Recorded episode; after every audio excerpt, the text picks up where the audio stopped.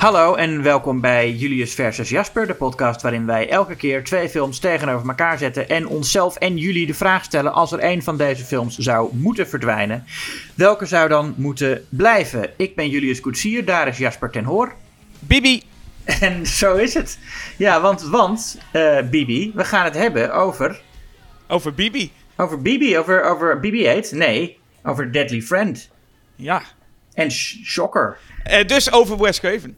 Ja, twee van de minder gewaardeerde films van Wes Craven. Maar ook weer niet van zijn minst gewaardeerde films, zou ik zeggen. Ja, want Wes Craven, wat moeten we er toch mee? Ja. Nou, hij, heeft een, hij heeft een paar heel goede films gemaakt, laten we dat voorop stellen. Hij heeft Nightmare on Elm Street, Scream, uh, The People Under the Stairs. En ja, dan zijn er de, de, de rauwe klassiekers Last House on the Left en Hills Have Eyes. Die allebei, vind ik, behoorlijk gemankeerd zijn. Maar ook wel hun plaats in het, uh, in het uh, pantheon verdiend hebben op een bepaalde manier. Ja, hij is, hij is een beetje van het, van het kaliber... Hij maakt belangrijke horrorfilms, volgens mij vooral. Uh, of ze allemaal heel goed zijn, dat, dat valt zeer te betwijfelen. Maar als je kijkt naar de, wat die films gedaan hebben... dan heeft hij toch elke uh, decennium volgens mij wel een, een, een, nou, een, een, belangrijke film gemaakt. Ja, echt, uh, ja inderdaad. En dat, dat, dat is wat het is. Ik zou Left House on the Left geen heel goede film noemen... maar het is wel een belangrijke film. En... Maar ja, hij heeft ook, ook een paar films die, die daar helemaal niet onder vallen. Zoals Cursed en Vampire in Brooklyn, die wij eerder besproken hebben. Die goed nog belangrijk zijn. Ja, en dat maakt het op een of andere manier wel interessant. Je hebt, je hebt makers, ik laat zeggen een John Carpenter, die duidelijk een hele goede filmmaker is. Mm -hmm. En je hebt een Toby Hooper, die, uh, ja, vind ik altijd ook een lastige, maar die heeft wel zoveel troep gemaakt. Ja, maar ook, ja, ook, wel, maar ook een, meesterwerk. En dat is, ik bedoel, Texas Chainsaw Massacre is ja... Dat is, een heel, dat is ook echt een fantastisch gemaakte film. Dan kun je niet zomaar zeggen van... oh, dat was uh, een keer geluk hebben of zo. Dat is echt een heel goed gemaakt uh, film. Klopt, al klopt, maar het is wel opvallend hoe het bij Toby Hooper... nog meer dan bij Craven zo ongelooflijk mm. inzakte. En dat kan al, van ja. alles betekenen, natuurlijk. Ja, en het is, ook, het is natuurlijk ook nooit alleen de regisseur. Het is een heel team dat eromheen zit... En je moet de omstandigheden hebben. Je moet een studio hebben die een beetje meewerkt. Je moet een goed scenario hebben. Je moet, uh, je moet hopen dat, uh, dat, dat ze niet te veel eruit laten knippen. Zoals uh, bij, nou, dat eigenlijk bij allebei de films die wij gaan bespreken. Vandaag is het, er zit er behoorlijk de schaar ingezet na afloop. Ja, we hebben eigenlijk met twee films te maken. Zowel niet Wes Craven's beste werk, maar ook wel waar hij zelf veel moeite heeft gehad met omstanders en de, het hele productieproces. Ja. Nou, laten we, in, laten we erin duiken. En, ja. en, en te beginnen bij Deadly Friend, waar ik het voor ga opnemen dan. En Ja. jij voor Shocker. Uh, laten we beginnen bij Deadly Mm. Friend, 86. En ik moet heel even om, om, om, om waar de film dan over gaat. Maar ik heb hier dus de, ehm, de videoband. En Oh. dat is wel leuk. Er staat, want wij zeggen dan wel van het is een van de mindere. Maar hier staat eh, even de tekst op de achterkant van de videoband. Wes Mhm. Craven's perfecte horror. Uitroepteken. Oh, En dan eh, om te kort even samen te vatten waar het over gaat, is hier de tekst op de achterkant. Een robot die Bibi heet met de stem van Donald Duck verdedigt, verdedigt zijn meester Paul door dik en dun. Ja. Eh, een buurmeisje Samantha wordt door haar vader regelmatig mishandeld en belandt in het ziekenhuis. Ze is, tussen aanhalingstekens, hersendood. En Paul maakt van Ja. haar een soort teenage Frankenstein. En zij wordt een, een mechanische wraakgodin en houdt huis in de buurt. Met recht is ze een dodelijke vriendin. Deadly Friend, dubbele punt, Wes Craven's beste tot nu toe. Dan weet je het even. Nou ja, nou, als, als de video hoe ze het zegt, dan zal het wel zo Ja. zijn. Nou ja, die, die plotbeschrijving klopt namelijk wel. Misschien moeten we, dat, moeten we daar sowieso deze podcast vaker mee beginnen. Met gewoon een, een, een plotbeschrijving van de film. maar waar zoals we gaat het eigenlijk over? Want anders dan zit de Ja. luisteraar ook maar te denken, ja, waar gaat het In over? duister te tasten. Maar eh, nee, er is geen spel tussen te krijgen wat daar allemaal staat. Maar wat, wat ook heel duidelijk aan de film is, waar we toch voor mee moeten beginnen, is eh, dat Mhm. dit ook twee films zijn die Wes Craven gemaakt heeft na het succes A Nightmare on Elm Street. En waarbij hij er ook gewoon niet meer afkomt. En Ja. eh, dit pro- project bijvoorbeeld, Deadly Friend, begon omdat eigenlijk zijn, zijn agent... eh, is het agent ook in het, in het Nederlands? Zijn agent, zijn Eh, manager, zijn... Ja, vertegenwoordiger. Ja. Nou ja, ze, die, die zei tegen hem: hey, je moet snel weer een studiofilm gaan doen. Want anders stel je niet meer mee en krijg je alleen maar kleine projectjes toegeworpen. Want hè, Wes Craven was na Nightmare on Elm Street nog bezig met die Hills of Ice 2 bijvoorbeeld. En Ja. nou, dan moet je dus snel weer je, je, je studiofilm gaan doen, anders dan, eh, dan, dan val je daar buiten. En er was dus een of ander script dat AI heette. Gebaseerd op het boek Friend van Diana heb ik verder niet Ja. van gehoord. Nee, is ook niet zo'n bekend boek. Nee, een soort tienerboek is het, hè? Een, een, een- Ja, ja het jongetje is ook een stuk jonger daar. Hij is hier, is hij, eh, nou, hij moet hij iemand van 18 voorstellen of zo. Maar in het boek is hij, is hij 13. En nu ook Craven dus in een filmproject met iets van 7, 8 producenten. Nou, dan weet je het vaak wel. En elke producent heeft zijn eigen willetje. Dus nou, dat, eh, dat werd een gigantische rotzooi. En de Craven had er zoiets van: ik wil graag een love story maken. Ja. Maar de marketing zag dus Craven's horror fanbase een beetje groeien. En dacht, nou, laten we meer op de horror gaan leunen. En dat is wat dit project is. Hè. Het is een toon waarvan je denkt, eh, iedereen wilde ook wat anders volgens mij. Ja, ja, dat is inderdaad duidelijk. Ja. Producent wilde weer wat meer horror ervan maken. Vervolgens komt de MPAA, die in die tijd al heel erg vervelend begon te doen. En die knipte juist de horror weer weg. Craven wilde geen nachtmerries in de film, maar de producenten zeiden: nee, nee, nee, nee, nee. Jij bent Wes Craven van Nightmare on Elm Street. ja, je bent Wes Craven. Dus, Wij willen nachtmerries. Nou ja, het, ja, het is, je zegt de, de NPA knipte. Maar dat doen ze niet. Hè? De NPA gaat niet zelf knippen. Ze zeggen alleen... Jullie krijgen alleen een R-rating als jullie dit eruit knippen. ja, ze eisen de knip eigenlijk. Want wat ik nou ja, vooral... ze eisen, ze, ze, ze zeggen welke rating ze het gaan geven. Ja, maar dan is het inderdaad 9 van de 10 keer Ja. sowieso dat een studio zegt: we hebben het Ja, nee, nodig. daar komt het op neer dan, ja. Ja, Ja. Het, is, het, is, het is jammer dat het- er zijn maar zo weinig titels waarvan, waarvan studio's zeiden, nou dan maar gewoon unrated. Ja, Eh, daar, daar, daar schijn je volgens mij zoveel geld mee mis te lopen dat het gewoon niet uit kan. ja en maar met een X of een NC-17 natuurlijk ook al. En dan kom je dus bij een film die, aan het begin heb je al, heb je al het gevoel van, waar, wat voor film is dit? De Hmm. toon gaat eigenlijk in het begin al alle kanten op. Hè? Wat, wat, we, we beginnen met een soort autodief. Ja, ja, Wat, wat al een hele andere vibe heeft dan een paar seconden later als de titels op beginnen.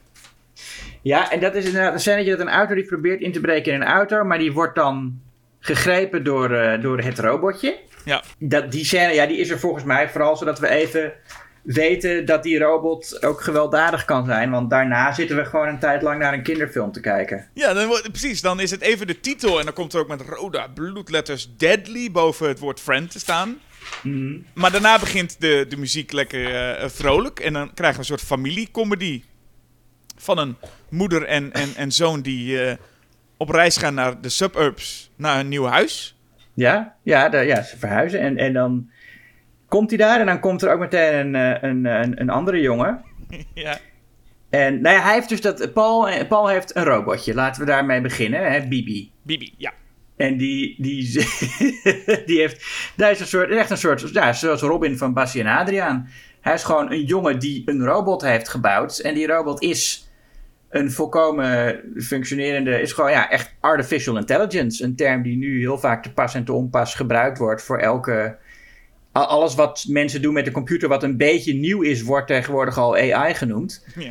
Maar dit is gewoon echt een AI. Een, een kunstmatige intelligentie die zelf kan denken. En, en, en dat is gewoon het, het huisdier van die jongen. Ja, het is een groot, groot lomp geel ding met zijn hoofdje erop.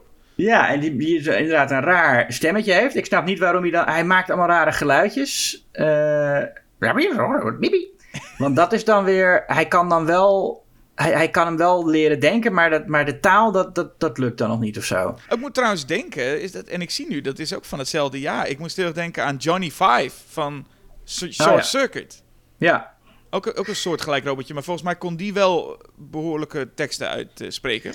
Silent Running heeft ook eh, vergelijkbare robotjes in de Hmm. jaren zeventig al. Ja, ja. Ja. ja. maar ja, en, en, en later is natuurlijk Wally, zo'n soort ding is het, maar dan veel groter. Ja, hij doet niet heel veel.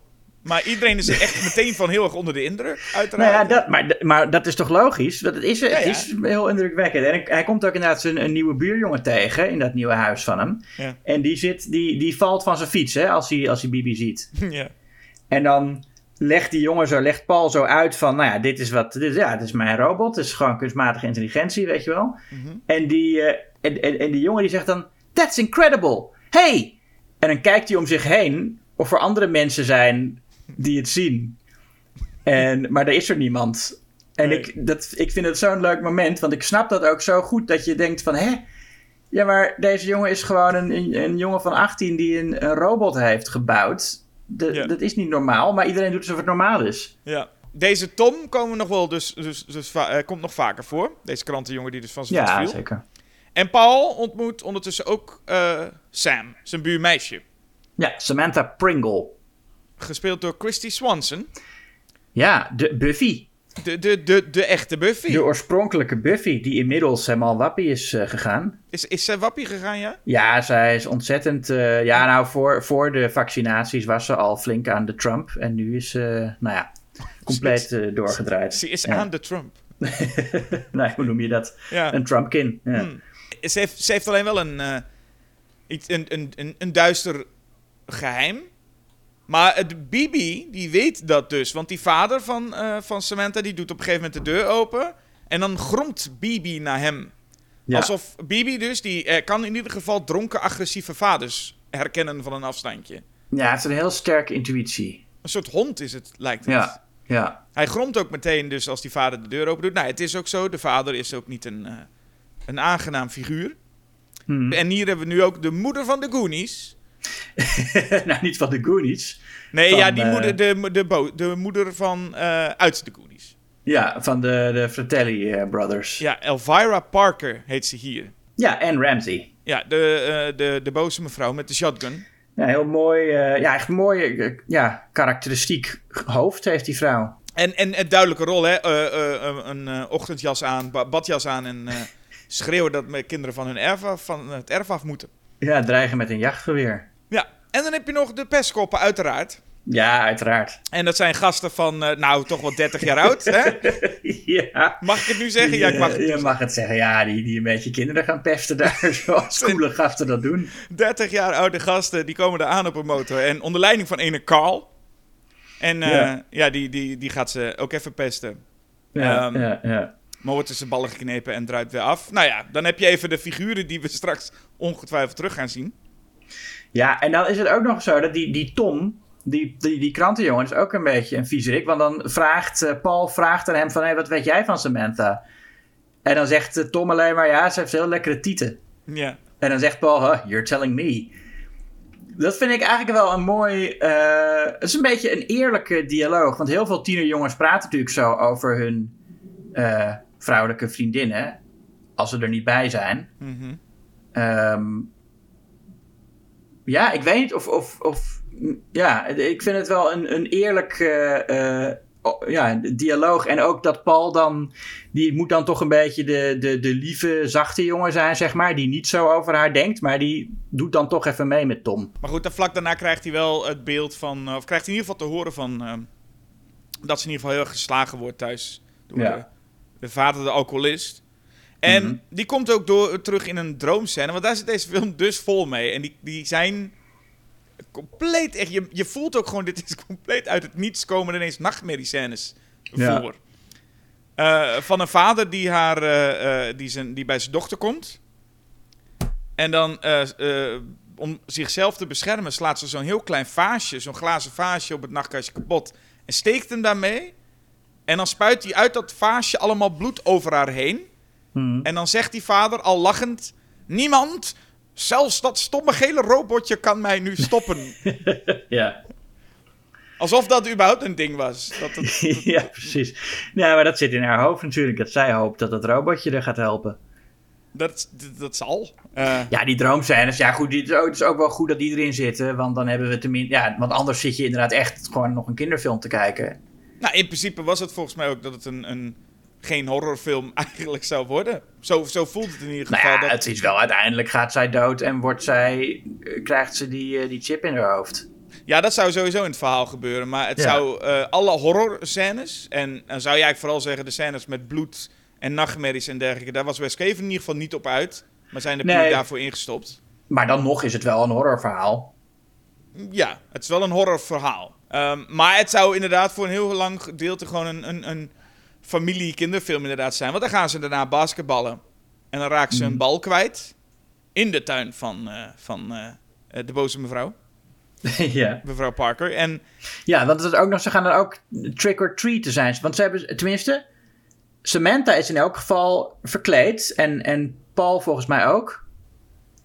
ja, het mij is, ze- het is- Halloween daar geloof ik eventjes. Ja, maar, dan ga, maar ja, nee, maar goed. Maar zij zijn, zij, nou ja, dat denk je toch. Ik, dan, ik vraag me ook af hoe oud ze dan zouden moeten zijn. Want ik, ik zei dus net 18, maar goed, dat, maar ze zijn dus wel gewoon nog aan het trick or treaten met Halloween. Ja, ze zijn wel... Want ik ook, ook een beeld bij met de bal spelen... en die dan bij de buren in de tuin eh, Ja, donderen... ja. denk ik niet snel meer aan 18-jarigen.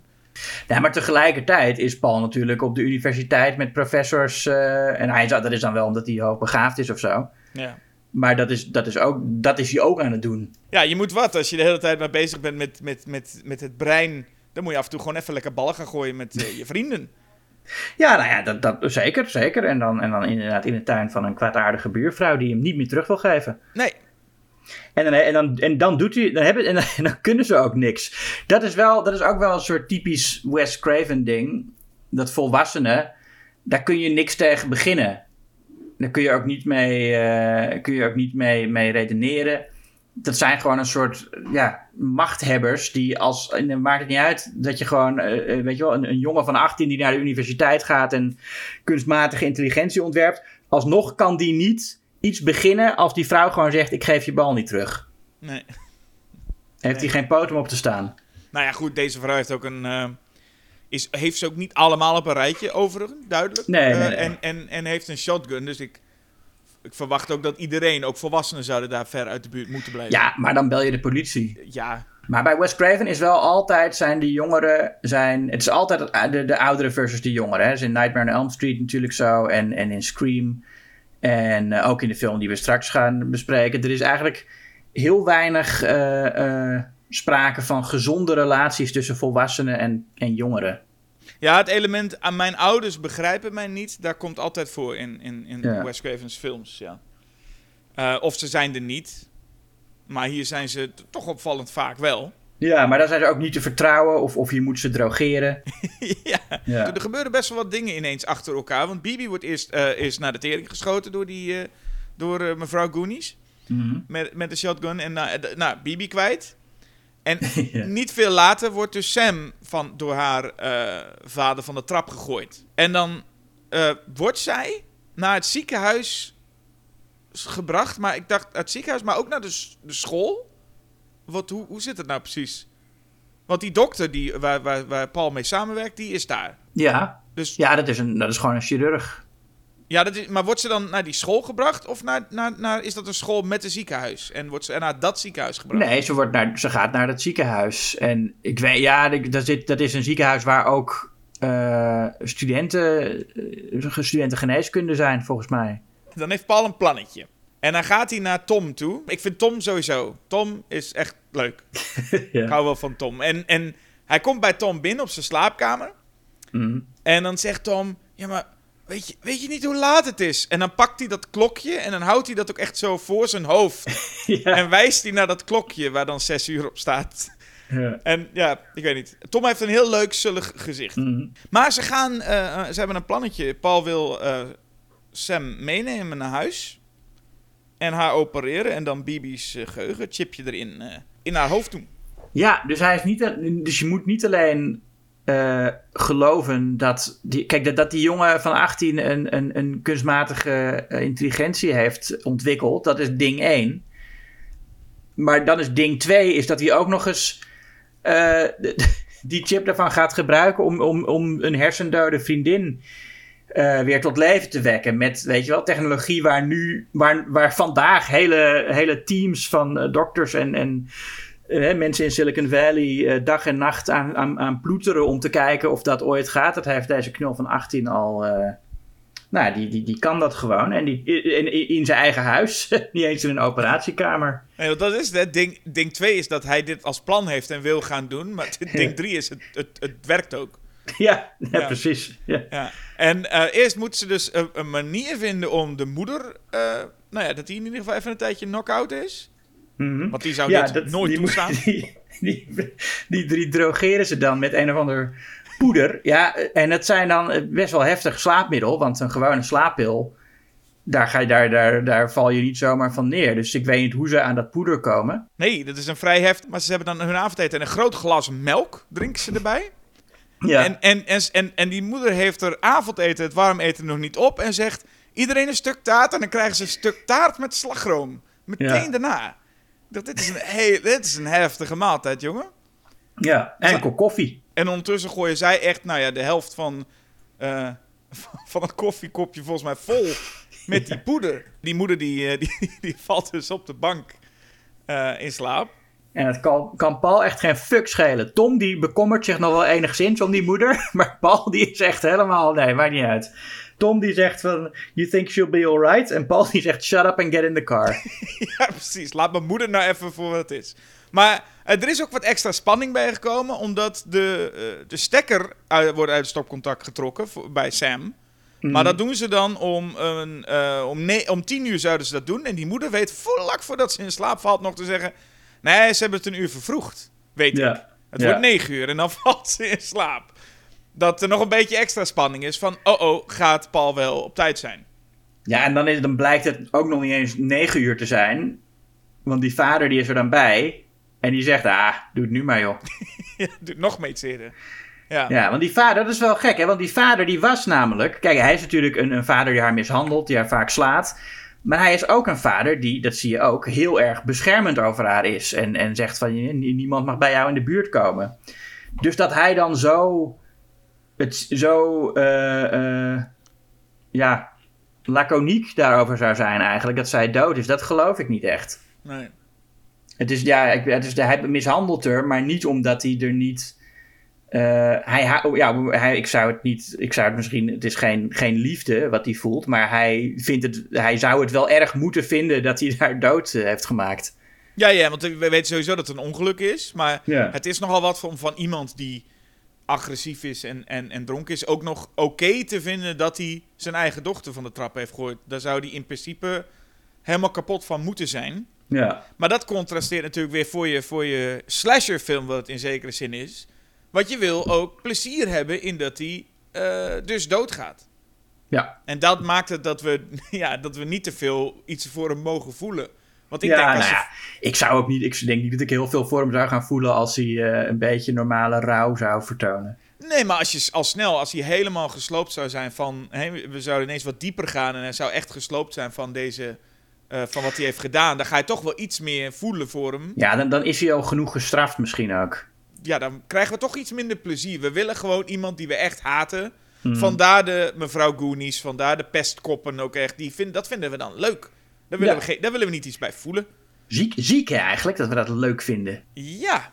Ik vind, het, ik vind bij sommige slashers, uh, als, als het echt heel duidelijk is dat ze ook willen dat je de personages irritant gaat vinden en dat het dan leuk is om ze dood te zien gaan. Zoals bij de eerste Terrifier had ik dat bij sommige mensen. Ja.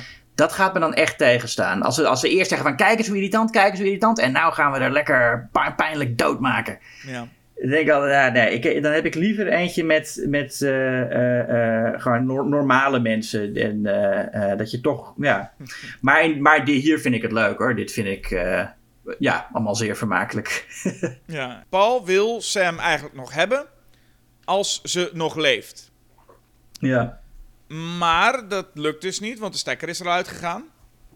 Dus hij moet een dode Sam in principe meenemen. En of dat nou ook de reden is dat het allemaal niet zo voorspoedig gaat, de rest van de film. Of dat nou überhaupt ermee te maken heeft. Of is het gewoon een klein stukje extra spanning en maakt het. Was de uitkomst altijd hetzelfde geweest? Ik denk dat de uitkomst altijd hetzelfde zou zijn geweest. Want het, de bedoeling was, als hij dan met dat lichaam opgevouwen in een een of ander wasding yeah. uh, aankomt bij Tom beneden bij de bus. Dan hmm. zegt hij ook: hé, hey, waar is al haar apparatuur? Dus de bedoeling was dat, dat Paul echt met al die apparatuur, ademingsapparatuur en zo, daar naar beneden kwam in de kelder. ja. Het is gelukt, doe je Sam mee naar huis en daar dus kunnen opereren. Met Tom erbij, hè? Ja, met Tom erbij en dan schuift hij zo. Dit is ook een heel, heel lullige operatie eigenlijk. Hij, hij pakt gewoon die chip en, hij, en ja, de schedel eh, is open. En dan schuift hij gewoon zo die chip in de hersenen. Als, alsof je een simkaart in je telefoon stopt. Zo, eh, Ja, zo makkelijk is het. zo makkelijk is het, ja. Maar wat ook wel ergens geestig was, is dat ze terug dus thuiskomen en Tom die ziet dat die moeder nog steeds op, dat, op die bank ligt. Ja. En dan gooit hij zo'n kus op die bank en hij is meteen een soort van... Oh nee, oh shit. We hebben haar, we hebben haar nu ook doodgemaakt met dat Ja. eh, sla- En ik, heel even dacht ik, dat zou best grappig geweest zijn. Als die moeder ook nog eens... maar goed, moeder leeft nog gewoon. Ja. Moet ook voor een extra stukje spanning, want dan is het steeds een soort... Een moeder kan mogelijk het dode meisje in huis eh, tegenkomen. Ja, een soort E.T. Ja, zoiets dacht ik ook, ja. En dan komt er ook een moment dat moeder ineens schreeuwt met... Paul, nou moet je hier komen. En dan denken we, oh oh. Nou, Paul naar beneden en dan staan ze, staat die moeder boos. Nou, dit moet je me echt even uitleggen. En dan denken we, nou, wat heeft ze nu aangetroffen? En dan pakt ze een slaapzak uit buiten beeld. En Ja. dan zegt ze, wil je deze dure slaapzak niet meer buiten leggen? Nou ja, maar, maar ja, die, die slaapt dus gewoon in een slaapzak in een schuurtje, hebben ze er eh, neergelegd. En ze kan dus nu zelf lopen en... Ja, en ze is ook, dat ontdekken we later, ontzettend sterk. Mm, Want dat gebeurt ook als je weer, eh, als je even hersendood geweest bent en dan weer tot leven komt. Ja, dan krijg je de kracht van de robot. In principe is zij, Ja. zij is Bibi. Nou ja, ze is, ze is, het is ook zichzelf. Ze is een combinatie van Sam en Bibi. Ja. En toch even props maar geven aan, aan Christy Swanson hier. Hoe zij hier een robot speelt. Ik vind dat echt heel cute. Ja, nee, cute is het woord. Met die, met die scharen van, met die handscharen zo voor zich. Ja, het is ook een beetje Boris Karloff natuurlijk. Ja, maar ze doet wel de best hoor. Ja, nee, zeker. Ja, Dus- zeker, zeker. En gaat op ehm, een killing spree. Ja, Op dat moment, als zij in ieder geval in eerste instantie haar vader gaat, een wraak gaat nemen op haar vader, dan wordt het echt Nightmare on Elm Street. ja. Dit is, dit is directe kopie met in die kelder, zo'n zo'n kelder met zo'n brandende kachel en dan die vader, eh, nou ja, wordt ook een soort van verbrand. Mhm. Eh, en daarna duikt die vader, met al zijn brandwonden wel, in bed bij Paul in een nachtmerrie. Nou, dan heb je wel, dan heeft Wes Craven wel het meest direct zijn, eh zijn Nightmare on Elm Street maar van, van stal gehaald. Ja.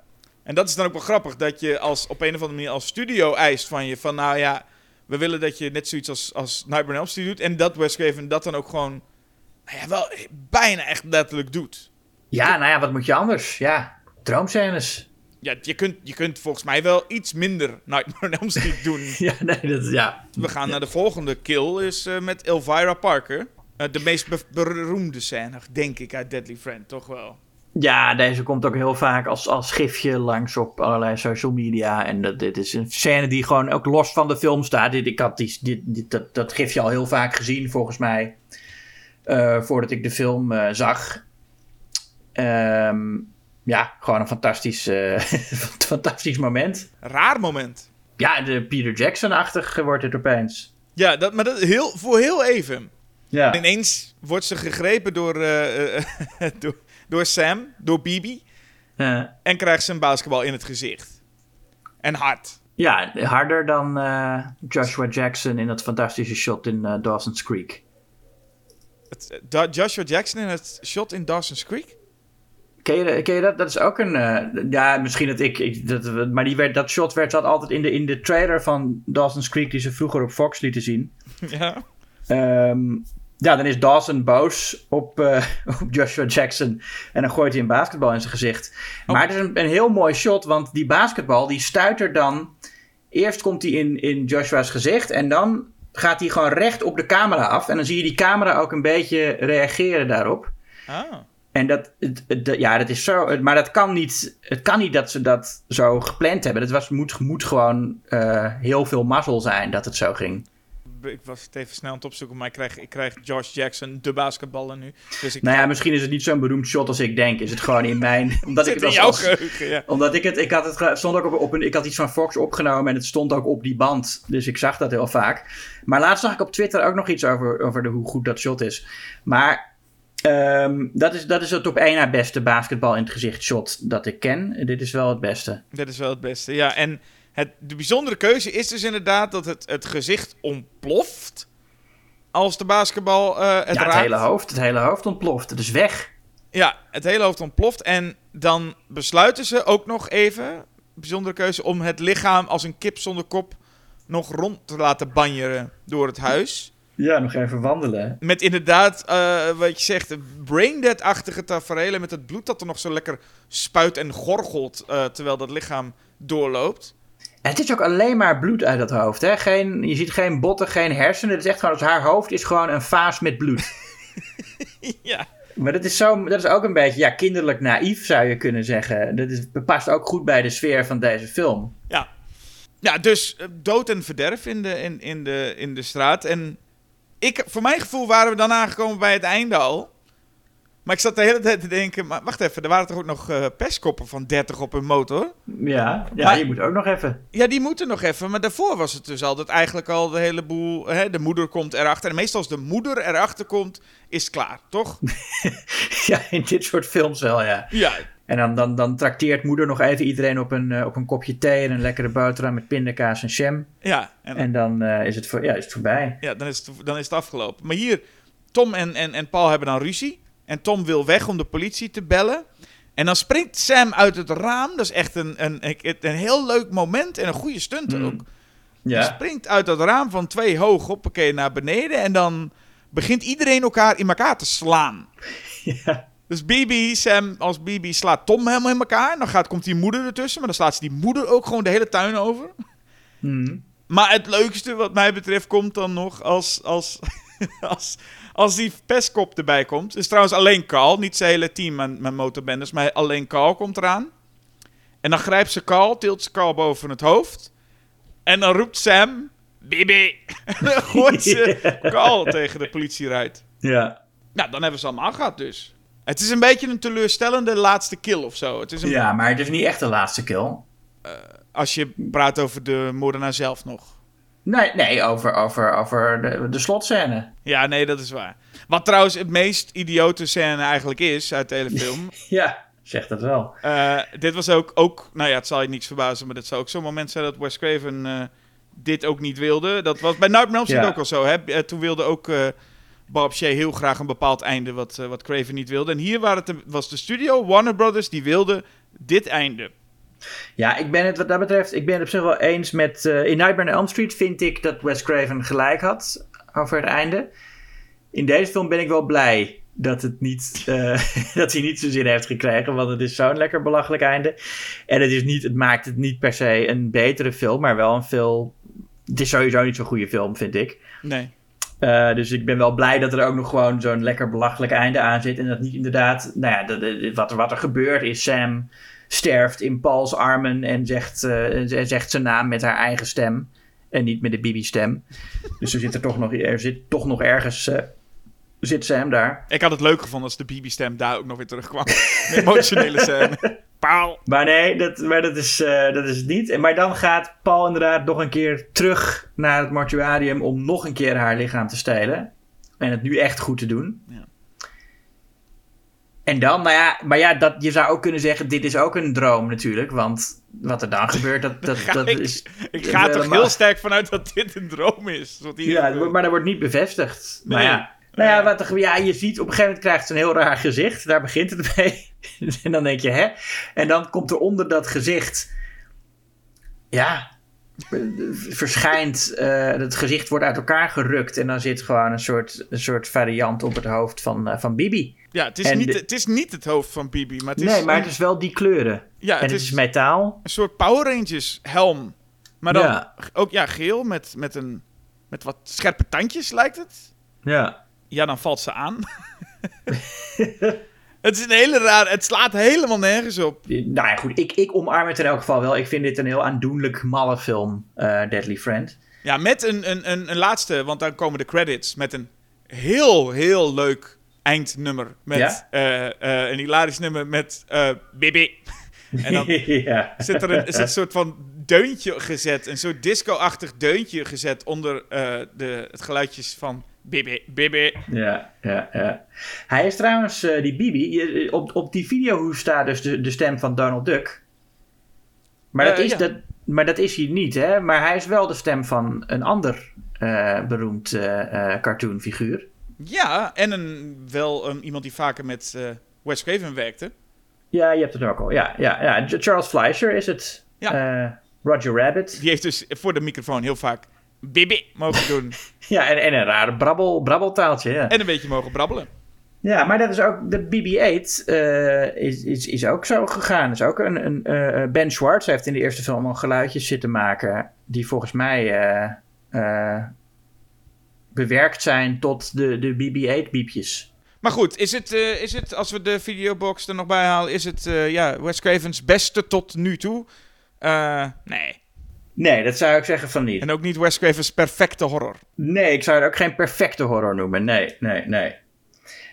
zou je dat wel zeggen van Shocker, Jasper? Het zou knap zijn als je dit ook als perfecte horror zou zien. Maar ik heb hier toevallig het, de DVD weliswaar dan liggen. Oh, kijk. Even kijken of daar iets wordt beweerd wat betreft... Ik heb die hoes, die zag ik vroeger, was een van de hoezen in de videotheek die ik als kind altijd zag. En die mij, dacht ik dat het een heel enge film was. Of ik vond in elk geval een angstaanjagende hoes. En het had te maken met die maniacale blik van hem op de voorkant als hij geëlectrocuteerd wordt. Ja. Ik dacht dat dit echt een extreem, als kind hè, dacht ik dat, het, dat dit een extreem bloederige, gruwelijke film zou zijn. Nou, de, de achterkant zegt Mm Onvervalste slechtheid ontmoet pure energie. In deze angstaanjagende film van horrormeester Wes Craven. Mm Regisseur van onder andere Nightmare on Elm Street en Scream. Dus dat is wel duidelijk. Dat kun je op de DVD zetten, hè? Scream. Dat konden ze in bij Deadly Friend nog niet. Want nee, die was er precies. Nog niet. Ja. Maar, nee, anders had er gestaan regisseur van Nightmare on Elm Street en Deadly Friend. Ja, dat... ja, precies. Um, qua achtergrondverhaal ja, is het nog, veel, is het, is het nog, nog een stukje erger dan uh, uh, Deadly Friend? Uh, ja. Want daarin heeft Wes Craven ook zelf aangegeven... ik wil een nieuwe Nightmare on Elm Street maken. En hij probeerde heel lang een televisieserie op te zetten. En had het idee Dream Stalker voor Fox... om weer een nieuwe Freddy te maken. Maar Fox vond dat toch niet zo'n goed idee... Die serie kwam niet, maar die ideeën voor Dreamstalker werden wel gebruikt. En ja, Wes Craven zag in die tijd, we hebben het hier over 1989, dus dat was rondom Nightmare on Street deel 5. Hè, want die, die films werden er ook elk jaar ongeveer uitgepoept. Ja. En Wes Craven vond het toch raar om te zien dat zijn, zijn Nightmare on Street maar steeds werd... Uh, uh, nou ja, steeds verder gaat. Dus je moet je je voorstellen, je bedenkt een film en dan zie je, dan rij je een paar jaar later rond en dan zie je ineens van die film deel 4 of 5 uh, in het bushokje hangen, een poster. Mm. En dat je denkt, god, zijn we hier alweer. Maar het, we weten eigenlijk ook allemaal wel, het is vooral omdat hij er gewoon geen cent aan heeft verdiend. En hij zei, dat was een statement van, van Craven, die ik in, in zijn boek ook las, was het moment dat hij dacht van, ik kan het nog een keer. Kijken of jullie dat ook lukt. Yeah. Dus terwijl zij echt een van de meest nou ja, winstgevende series van die tijd hadden, ging hij dus Shocker maken. En Ja. dat zou wel eventjes de boel nog een keer op uh, stel te zetten. Ja, nou ja, het is mooi dat hij het probeert. Ja. Ze waren hier wel echt uh, vanuit gegaan dat wij nu de, de Shocker-serie uh, aan het bespreken zouden zijn. En nu ongeveer Shocker 5 of 6 zouden doen. Maar het is, het is hierbij gebleven. ja, wat gek hè? Ja, ik snap er helemaal, helemaal niks van. Uh, ja, en ook, maar ook niet eens. Ik bedoel, hij, hij, hij kan dan wel zeggen van, nou, ze hebben Nightmare on Elm Street helemaal uh, uh, verpest met die Freddy zulke gekke dingen laten doen. Maar dan laat hij in deze film eigenlijk wat er in, in Freddy 6 gebeurt, laat hij aan het einde ook gewoon gebeuren. En even de opening van Shocker puur is, is echt een exacte kopie van de opening van Nightmare on Elm Street. Het shot opent met, zo'n, met gewoon de voet van de moordenaar die zo voorbij komt. En daarna krijg je een paar close-ups, terwijl de credits zo komen, een paar close-ups van een moordenaar die iets in elkaar zet. Hmm. En dat is hier het precies hetzelfde, alleen het is geen handschoen, maar deze man zet iets van televisies in elkaar. Ja, hij, is, hij houdt erg van tv, deze, de Horace Pinker, de moordenaar. Het is nou niet helemaal duidelijk wat er nou eigenlijk aan de hand is met, met, met hen en tv. nee, niks, nee.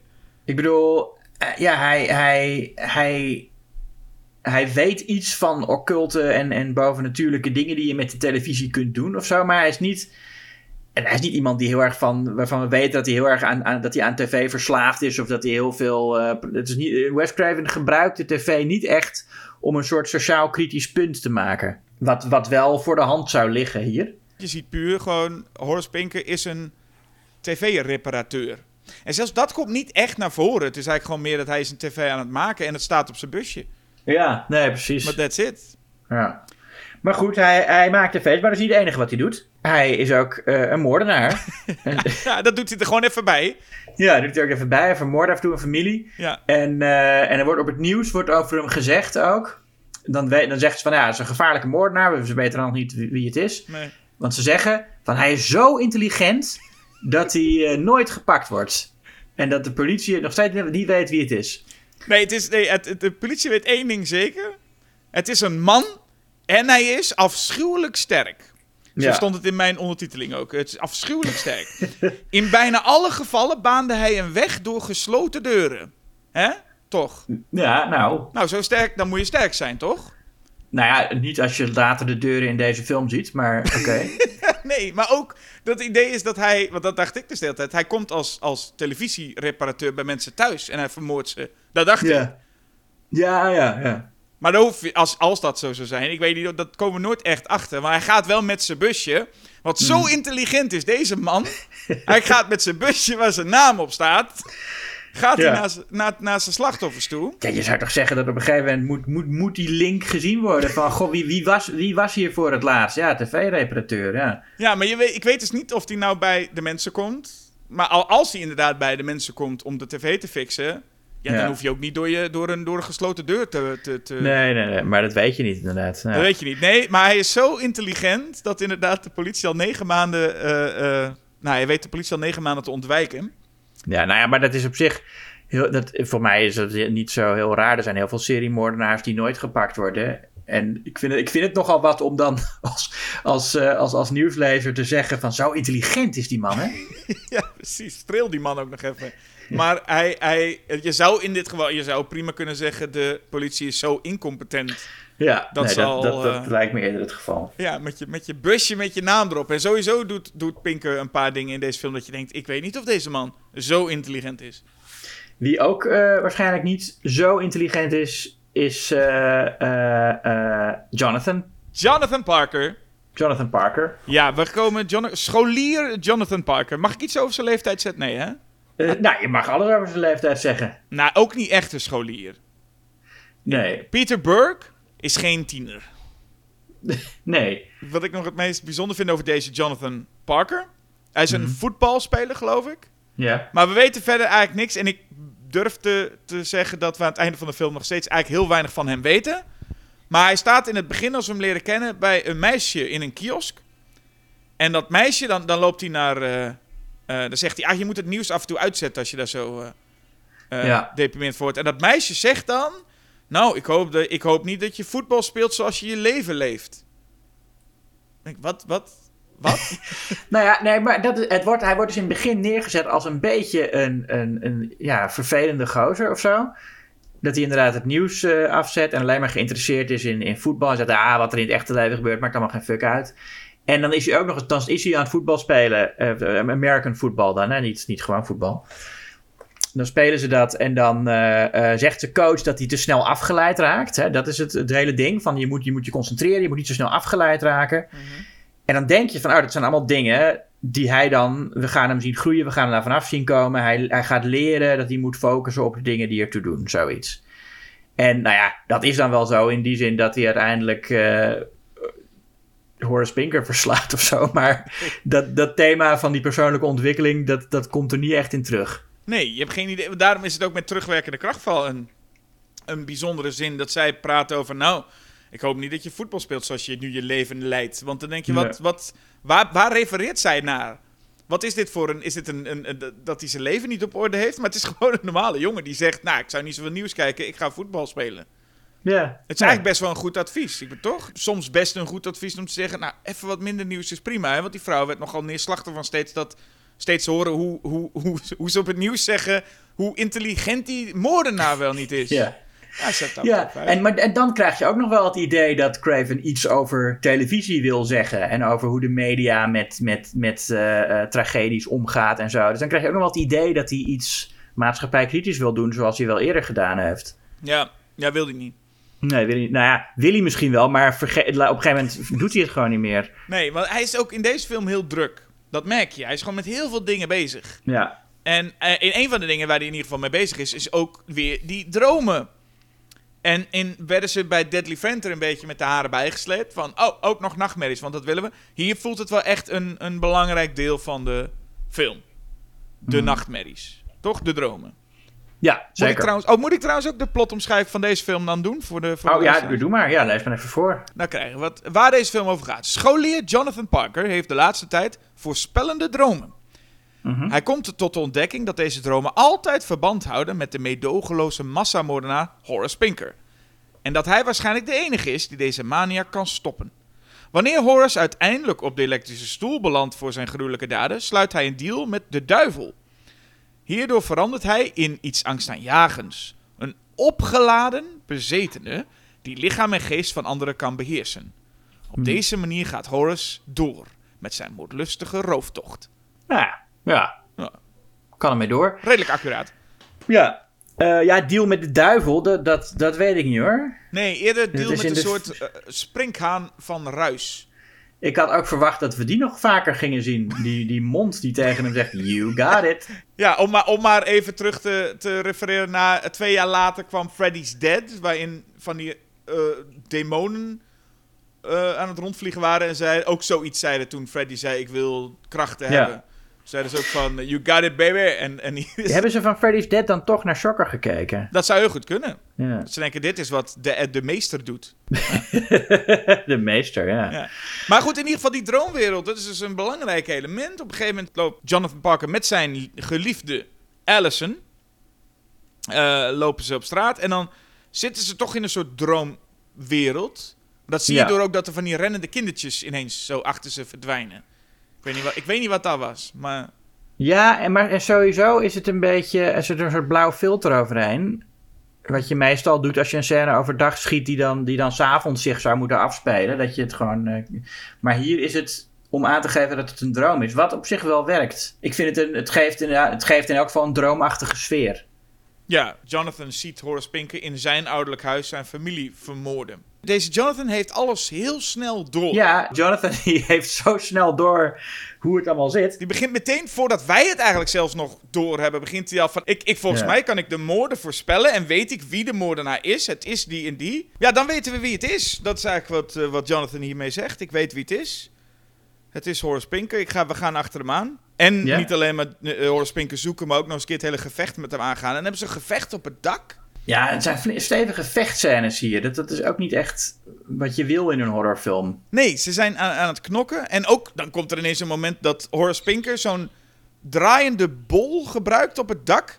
Waar Ja. hij dan zijn neus tegenaan houdt, terwijl hij draait. Zo, Maar heel, maar heel erg langzaam ook. Het is een beetje zo'n Three Stooges moment. nou, daar moest ik ook precies aan denken. Ik denk, wat doet deze, doet dit slapstick stukje ineens in jullie gevecht met een seriemoordenaar? Eh want hij heeft ook eh dingen toch vermoord al? Is dat hier al? Dat hij de vriendin van... Dus- Ja, de, de, eh, ja, zijn perfecte vriendin, hè?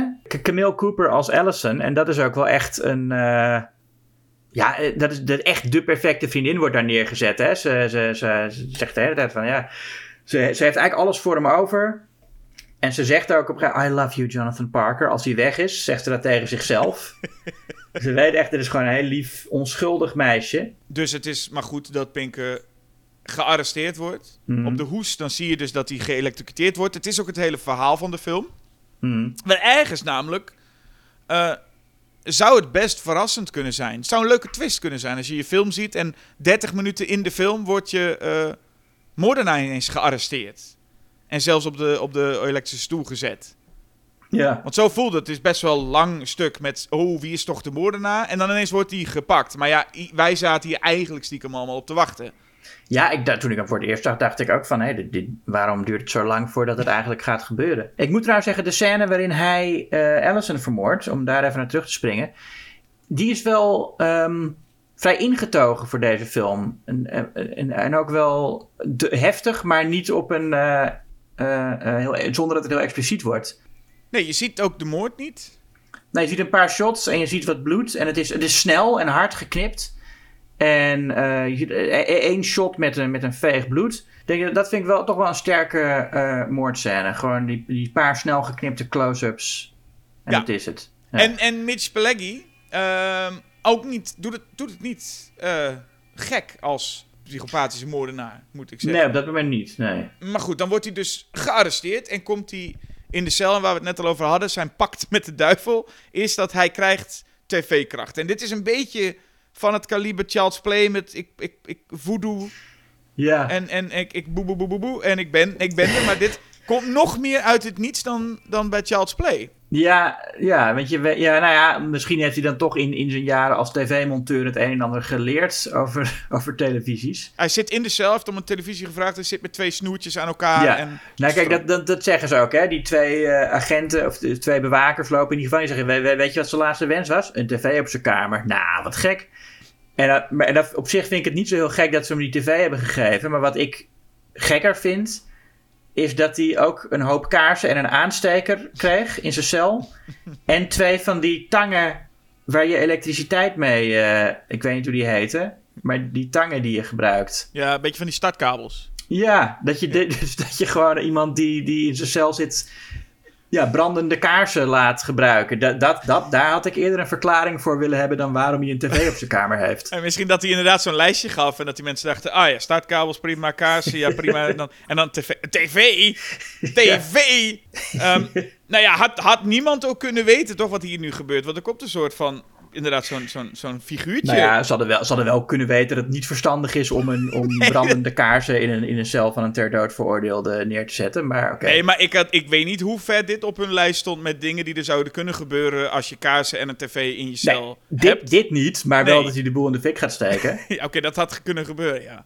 Maar ja, wat is erger? Had hij beter de boel in de fik kunnen steken? Want dit wat hij nu doet is ook niet leuk. Nee, dat is helemaal niet leuk. Nee. Hij, eh, maar goed, dat weten we ook nog niet echt wat, wat er gaat gebeuren. Want er komt dus een stemmetje.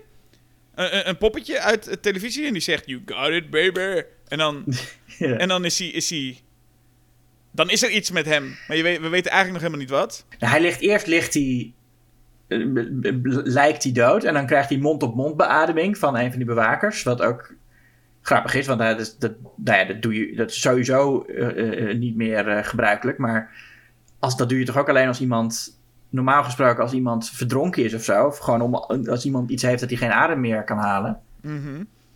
Ik weet niet of een stroomschok, of, of daar nou ooit mond-op-mond voor is gegeven. Nee. Maar goed, dat, dat, dat, dat is een detail. Wel leuk dat hij dan in, in de lip van die man bijt. Ja, bij de een bijt hij in de lippen en bij de ander bijt hij zijn vingers eraf, geloof ik, Mhm. ongeveer. En dan eh, zitten die twee, twee bewakers, schoppen hem ook echt finaal in elkaar daar. Ja.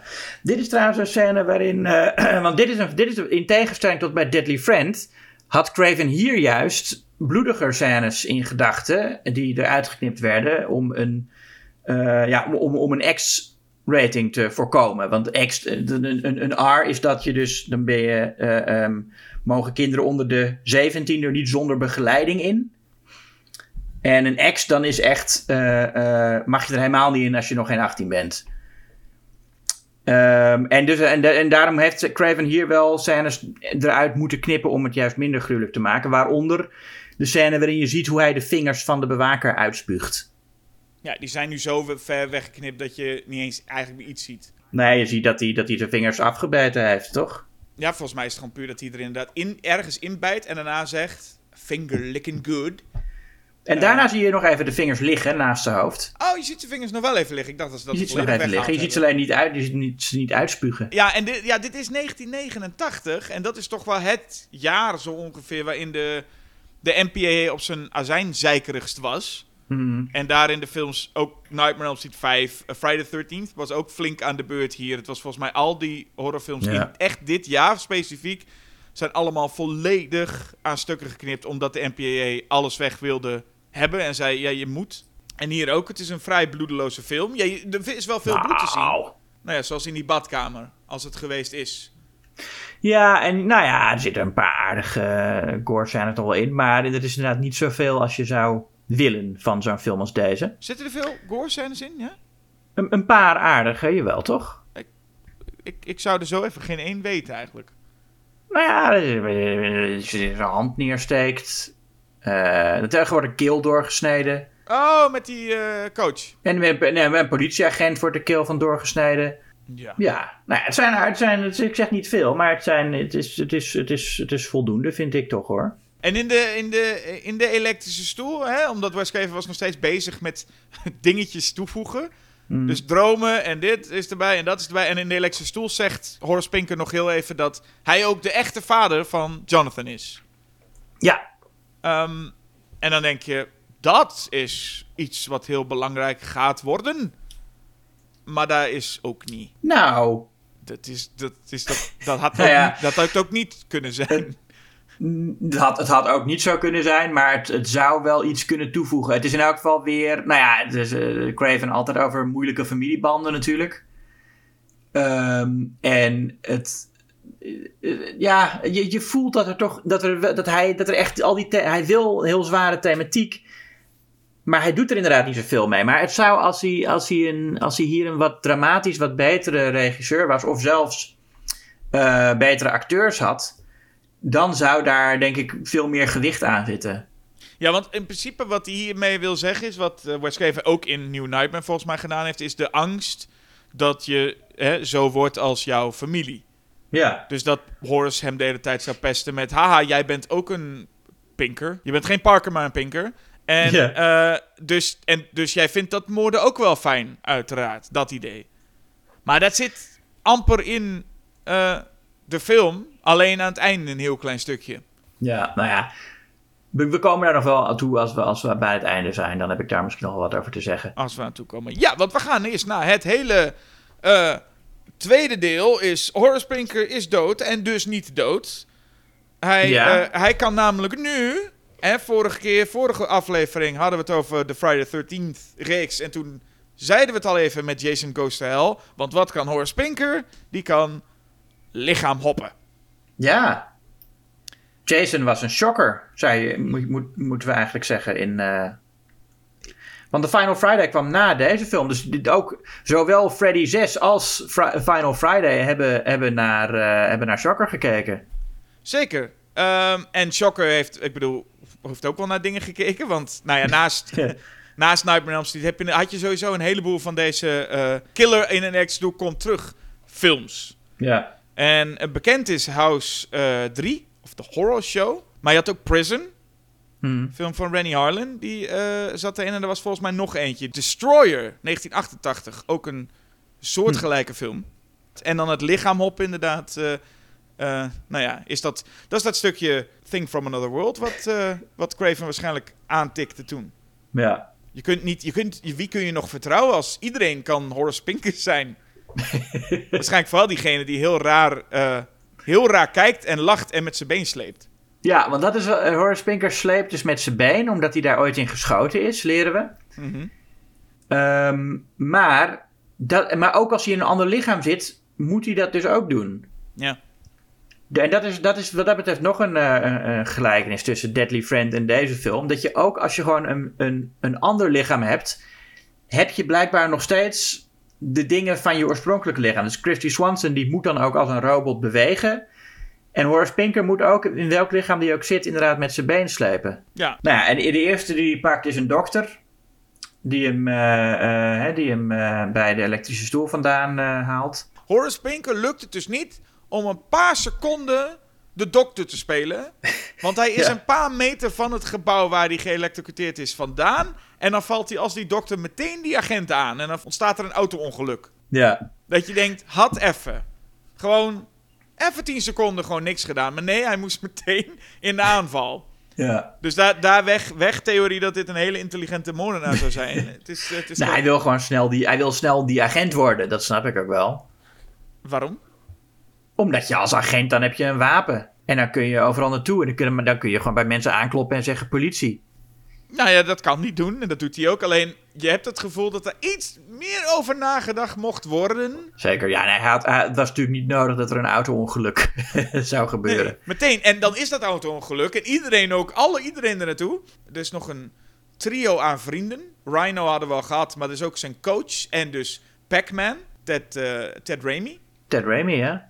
En die zijn daar ook ineens. Ja. Ik weet niet waarom. Ja, dat is, dat is zijn, zijn voetbalteam. Het zit er niet allemaal in. Maar dat is inderdaad, het zijn ook zijn enige vrienden. Ja, dat zijn zijn enige vrienden. Maar die staan ineens bij dat auto-ongeluk. Die staan daar gewoon met z'n drieën ineens. Ja. Ze weten Jonathan een beetje tot rust te, te brengen. En even over, over Jonathan, over Peter Burke. Ja, het is niet werelds beste acteur.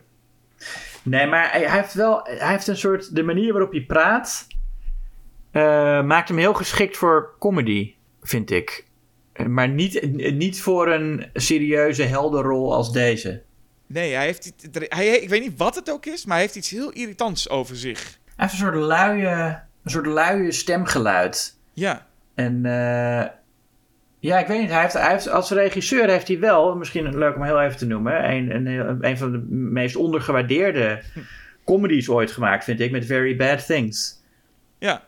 Dat is eh, de, misschien wel het hoogtepunt van zijn eh, carrière. En Friday Night Lights heeft hij ook gedaan. Ja, hij is een, Ehm. eh, en, en ik bedoel, eigenlijk wat ging later was nog The Kingdom Hancock, die Will Smith superheldenfilm. Hmm. Battleship. is niet, volgens mij een hele goede film Oh ja, per. Battleship. Ja, nou, als regisseur heeft hij ook, ook een paar mindere dingen gedaan. Ja, maar wel grote films. Dus hij is wel hij is, bekender als re- regisseur dan als acteur. Nee, ik- hij, hij, heeft iets, hij heeft gewoon iets grappigs. Een soort, ook een soort Dennis Leary-achtige uitstraling. Een soort luie... eh, hij, hij, zou, hij zou echt een goede eh, eh, lead zijn in een, in, een, in een Amerikaanse comedy uit de jaren tachtig... die nu heel fout gevonden wordt. Dat zou zijn ideale rol zijn, denk ik. Ja, de- hij is hier niet goed. hij is hier niet- nou, ik vind hem wel ik vind hem leuk. Ik vind hem wel vermakelijk. Niet, ik zou hem ook niet per se goed noemen. Maar ik vind het wel heel grappig hoe hij ook... Ik weet niet of we daar al zijn, maar dat, hij, dat vind ik een van de leukste scènes. Dat hij aan, aan, aan, aan zijn voetbalteam uitlegt wat er aan de hand is. Ehm, ja, nee, dat, we, gaan, nee, we gaan, eerst moet hij het toch helemaal zelf ontdekken. Daar zijn we nog niet. Dat is ook een leuke scène namelijk. moet, dat hij het zelf moet ontdekken. Dat de politieagent bij hem aanklopt. En dat je dat hele, die hele achtervolging krijgt waar Horace steeds in een ander lichaam springt. Oh ja, ja. Maar is het, wat volgens mij komt daarvoor nog, maakt niet heel veel uit, maar volgens mij Hmm. komt ook zijn, ehm, zijn vriendin nog even terug.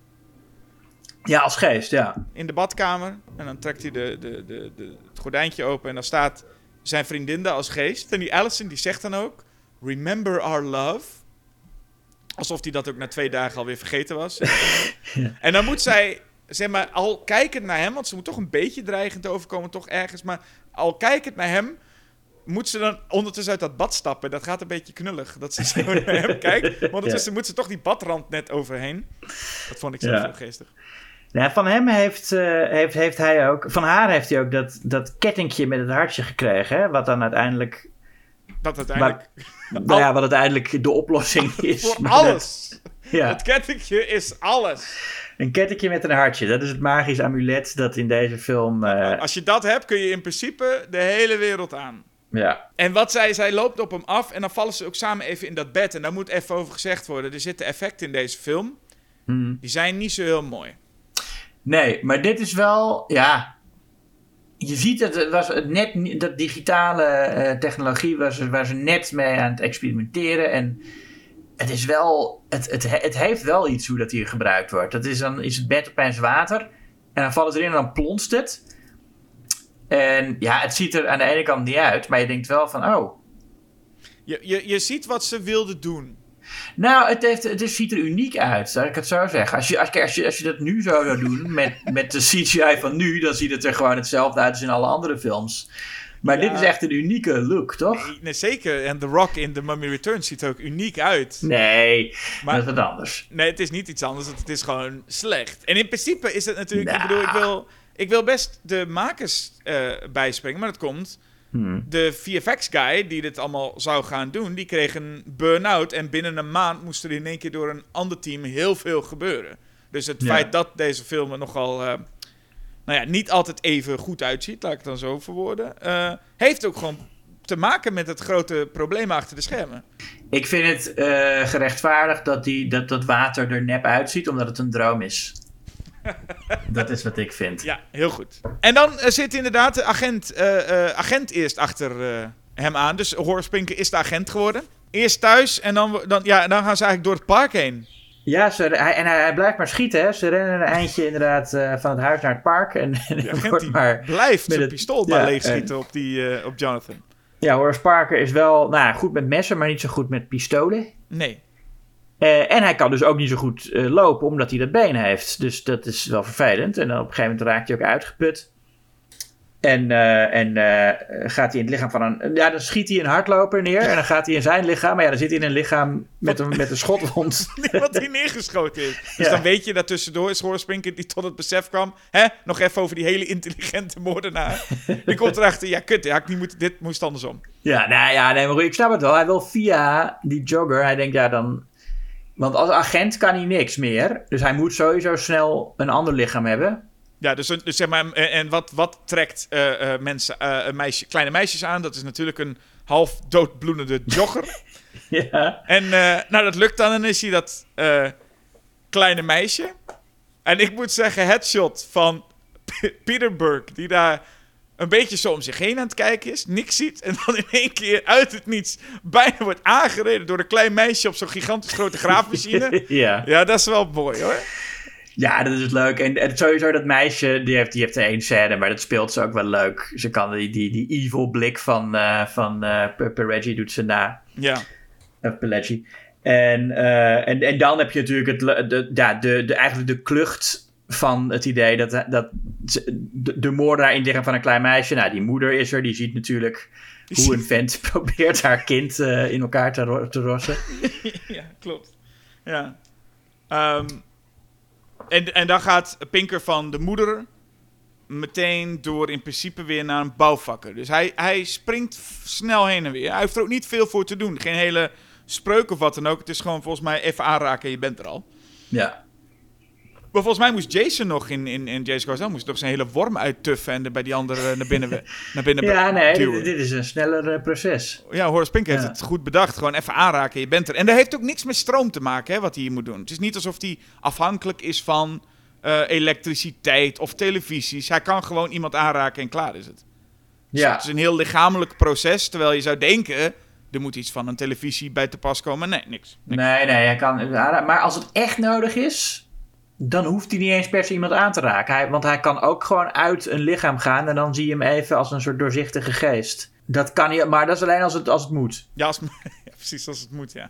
En dan blijkt dat het inderdaad die ketting van, uh, van Allison, hè, dat is het ding. En dan gooit hij ook de ketting uiteindelijk maar het meer in. Ja. Dan gaat hij aan zijn vrienden maar uitleggen wat er aan de hand is, want ze moeten iets doen.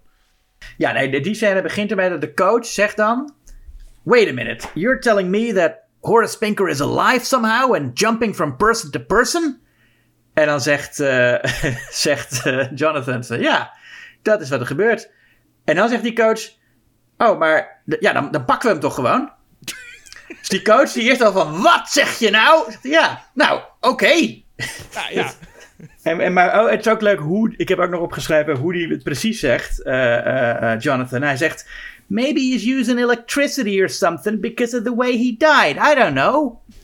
Dat is ook gewoon een beetje zo'n soort. Dat bedoel ik als ik zeg dat hij die, met, die, met, die, met die stijl van Peter Burke hier. Dat hij gewoon zo'n beetje zo'n zo'n guy. Van ja, weet ik veel. Maybe he's using electricity or something. Ja, precies. Ook een beetje bijna aanvallerig. Met ja, weet ik ook veel. Ja, jij komt met dit hele nonsens verhaal. Ja, maar dan weet hij ook meteen alles. Hè? Hij weet ook van, nou, hij moet eerst de energie, ook dingen die wij nog helemaal niet hebben bedacht. Van, hij moet de energie van het ene lichaam moet hij opgebruiken. En dan pas kan hij eruit of zo. Ja, dat is ook, dat, maar dat is ook kul, want die moeder, hij gaat echt van, die, van het kind naar die moeder, naar die, naar die, naar die bouwvakker in, uh, in 10 seconden ja. tijd. Ja. En hij zegt ook nog, hij zegt ook van, dan zeggen ze van, ja, maar waarom breken we niet gewoon zijn nek? Zegt hij, ja, maar dan maken we die persoon dood. That's the whole point. Ja, het is heel bizar, want zij moeten daar met z'n allen dus een plan gaan bedenken. Hmm. En nou is het zo dat uh, de coach en Pac-Man, die gaan wel even zijn, uh, zijn, zijn duikspullen pakken. Ja, Want het belangrijkste wat hier nu moet gebeuren in deze slasher... is ik moet het meer in, want daar heeft hij mijn hangertje in gegooid. Ja, ja. Nou, vind hem maar eens. Vind hem maar eens. Nou ja, goed. Hij met uh, Rhino ondertussen wachten. Maar het is niks voor de coach om zo laat te zijn. ja. Nee, het is niks voor hem. We gaan toch even opzoeken. En dan blijkt inderdaad dus dat Horace was, was, was, was ze voor... Hmm. En dan krijg je dus een moment dat inderdaad Horace Pinker wordt aangevallen door de geest van Allison met zo'n soort van lichtstraal uit haar borstkas. Ja. En ik dacht, dit is zo mooi. Het zo, zo dom. Ja, het is, het is gewoon echt die, die is een beetje sprookjessymboliek die, uh, die Wes Craven, waar Wes Craven toch van houdt. Hij houdt echt van sprookjes. Dat zie je Zie je in Deadly Friends, zie je ook in, in People Under the Stairs, wat een veel betere film is. En, en, en Eh. dan is het ook nog de zin... Jonathan komt erachter dat Pac-Man dood is. Ja. Denk je, oh nee, oh nee, Pac-Man is dood. En dan zegt de, zegt de coach, als Pinker dan... Of eigenlijk Pinker zegt als de coach... eh, ja, Pac-Man hield te veel van je. Ik kwam er niet in bij hem. Maar dan denk je, ah ja, die Pac-Man die echt één zinnetje gewisseld heeft met Ja. Jonathan. Helemaal in het begin van de film, toen hij zei, hé, hey, alles goed? Dat was Ja. het. En nu krijgen we dus via de coach, via Horace te ontdekken... Ja, deze, ma- deze man, de- deze Ted Raimi, die hield zoveel van je. Ja, dat, dat, dat- ik kwam er niet in. Denk ik leuk Ook weer, een extra, ook weer een extra regel, hè? Dus hij kan niet in iemand die Te veel van je houdt. Ja. En dat gebeurt alleen bij Ted Raimi. Dus in principe is er maar één... eh, Ja, want later kan hij wel in, eh, in, in zijn in zijn adoptieve vader. is va- ja, precies. Die, eh, Dus dan die, blijkbaar. eh, ah, ja, dan weet je hoe het zit ook. ja. Maar goed, in ieder geval het feit leuk dat we van Ted Raimi iets ontdekken. Terwijl we van dat hele personage nooit echt nul ontdekken. Ja. ja. Ehm, maar inderdaad, wat je zegt, hij komt al in, in, in zelfs in de vader van Jonathan, Detective Parker. Ja, Detective Parker, dat, dat, is, ook, dat is ook weer een. een, een die, die heeft altijd verzwegen dat Horace Pinker inderdaad de, de, de vader van eh, Jonathan is. Ja. En die roept ook shut up als Pinker dat gaat vertellen. Dus dat is ook weer zo'n zo'n Craven ding, dat de ouders dingen verzwijgen voor, eh, voor de kinderen. ja. Hij wilde niet dat Jonathan wist dat zijn echte vader Horace Pinker was. Ja. Hij wilde niet dat hij wist dat zijn vader een tv-monteur was. Nee, omdat Horace Pinker eh, er- ja, hem in elkaar sloeg. En dat, en dat was dan niet. Hij wist, hij wist inderdaad niet dat Horace Pinker ook die moordenaar was. Oh, gewoon, het was gewoon een, een agressieve... Hij wist dat het een agressieve man was. Dat was het vooral. Ja, ja, Horace Pinker sloeg zijn kinderen in elkaar. Ja, nee, maar ja, en het is net zoals dat, dat de ouders niet willen dat de kinderen weten dat ze Freddy Krueger omgebracht hebben. Het is van eh, ouders die. die ja, je, je, hoeft niet, je moet niet alles weten van ouders. Deze detective Parker rent dan achter Jonathan ook aan en begint ook te schieten. En toen dacht ik wel, deze slasher heeft veel te veel achtervolgingen met schietende mensen. Ja, en vechtscènes en, en, en door deuren heen beuken. Wat, hier, wat gebeurt hier ook toch? Dat ze, met, dat ze al, die, Ja, al, die, al die deurtjes waar ze met één klap doorheen beuken. dan gaan we denk ik de, de, de zesde acte in of zo. We gaan in ieder geval naar, een, naar het moment dat Jonathan een groot plan dus uit, nog een keer een plan uitvoert dus. Hij moet nog, Ja. hij moet nog steeds die, hij, die hanger ligt nog steeds in het meer hè. Maar hij heeft inmiddels een, een presentator uitgenodigd met een camera om in zijn, in zijn slaapkamer te filmen. En hij zegt ja, om middernacht eh, kom ik eh, met de moordenaar. Horace Pinker, je weet wel, die Ja. dood is. Ik weet niet waarom, maar hij heeft die mensen al geregeld. En dan gaat hij die hanger nog zoeken. ja. Daar is, daar is niet heel slim over nagedacht, toch? Of wel? Nee, dat had hij eerder moeten doen. Ja. Ik Ja. zit nou te denken de- dat die presentator, ja, die, die, de- het feit dat hij dus ook dat gewoon maar doet. Dat hij denkt van, nou ja, waarom niet? Ik ga wel op deze slaapkamer eh, van dit jongetje even, even zitten wachten Ja. waar hij mee komt. Hij zegt ook nog van, ja, I think this kid's for real. Hij heeft wel Ja, echt het wat- idee dat er... eh, eh, maar misschien, misschien zit er dan toch wel wat meer commentaar op de media in van Craven dan ik aanvankelijk dacht. Dat hij toch ook... ze zijn zo sensatiebelust dat ze overal maar... eh, nou ja, het, het nieuws gaan zoeken. Ook, ook als een of andere gek ze vertelt, kom even naar mijn slaapkamer. ja, maar hij zegt nog wel even tegen Jonathan, hè, van... Hé, je gaat me toch niet voor gek zetten live op televisie, hè? Ja, ja. Nee, dat hij het wel even weet. Maar goed, ehm, dan gaat Jonathan dus ook weg. Dus dan is het inderdaad de bedoeling voor deze presentator... dat hij gewoon midden in een slaapkamer van iemand gewoon live maar gaat. ja. Hij moet dan toch ook de hele zender overtuigen met... Ja, ga maar live. Ik, ik ben hier alleen op een slaapkamer. slaapkamer. Er is mij beloofd dat er zoiets gaat gebeuren. Ja, die ene Jonathan Parker die zo het nieuws is geweest... Ja, die, die, de, ja, die was er, maar die is nu weg. Die is nu, die is nu Ja. duiken in het meer. Ja, en wat is er nog meer aan doen? Hij zit ook met, met zijn voetbalteam Ja, eh, de afspraak te maken dat zij die heeft hij nodig. moeten... Ja, die heeft hij nodig. En dat, er zitten nu opeens ook gasten bij die we nog helemaal niet kenden. die ook vrienden van hem zijn. Ja. Ja. Dan zeggen ze ook echt van, wij zijn toch allemaal vrienden? Ja, we zijn er voor je. Dat zijn toch echt vijf gasten die we nog nooit eerder gezien hebben. En die gaan dan ook op avontuur. En die gaan dan ook echt... eh, eh, die, ene gast die ook dan... de- want wat ze gaan doen is, is de stroom in de hele stad doen uitvallen. Ja, we weten in principe dan nog niet wat ze gaan doen, maar we denken, hele grote club jongens, die gaan Ja. echt iets doen. En dan zie je ook die, die voorste gast die dan dat slot moet openmaken bij de elektriciteitscentrale. Die, dat is iemand die we nog helemaal niet. Die heeft geen één. die, misschien in, in, in de eerste scène dat hij voetbal speelt even gezien. Ja. Maar die is verder. dit zijn enige tekst is in die scène, toch? Ja.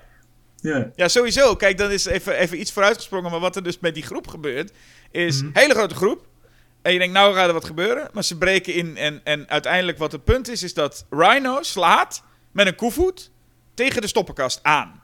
Ja. En dan staan al die andere voetballers zo te juichen met dit was, dit was de bedoeling. Dan denk je, nou, ik vind het goed dat ze, goed dat ze met z'n dertig gekomen zijn om Ja. dit te doen, zeg. Ja, maar ook dat het meteen kapot moet, hè? Dat is ook wel iets. Je daar denken van, nou, doe even die schakelaar naar beneden of zo. Want dit, dit nou ja. Jonathan zegt, oké, die ene bovennatuurlijke seriemoordenaar, die ga ik wel doen. Ja. En de stoppenkast, dat doen jullie alle veertig. Ja, oké. Goeie verdeling. En hij gaat dan in het meer duiken. Mhm. En dan is hij zo in dat meer aan het duiken. En dan komt ineens Allison's geest zo boven water. En die zegt zo: Jonathan. En dan, en dan zweeft ze heel snel op hem af. Echt zo: Jonathan. En dan denk ik: Mhm. waarom doet ze dat? Ja, we laten schrikken. Ja, waarom?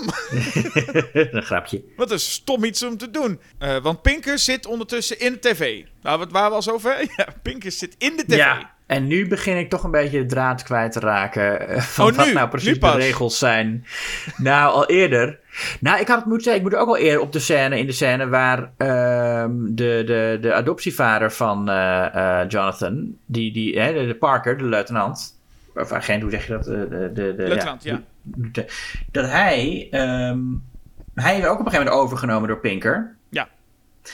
En dan zegt hij, oh mijn hart. En dan gaat Pinker er snel uit, want dan denkt hij, oh deze man heeft, eh, krijgt straks een hartaanval, daar moet ik niet bij wezen. Ja. En dan gaat hij inderdaad in de televisie zitten, want ze zijn er op een tv-antenne hangen ze. Ja.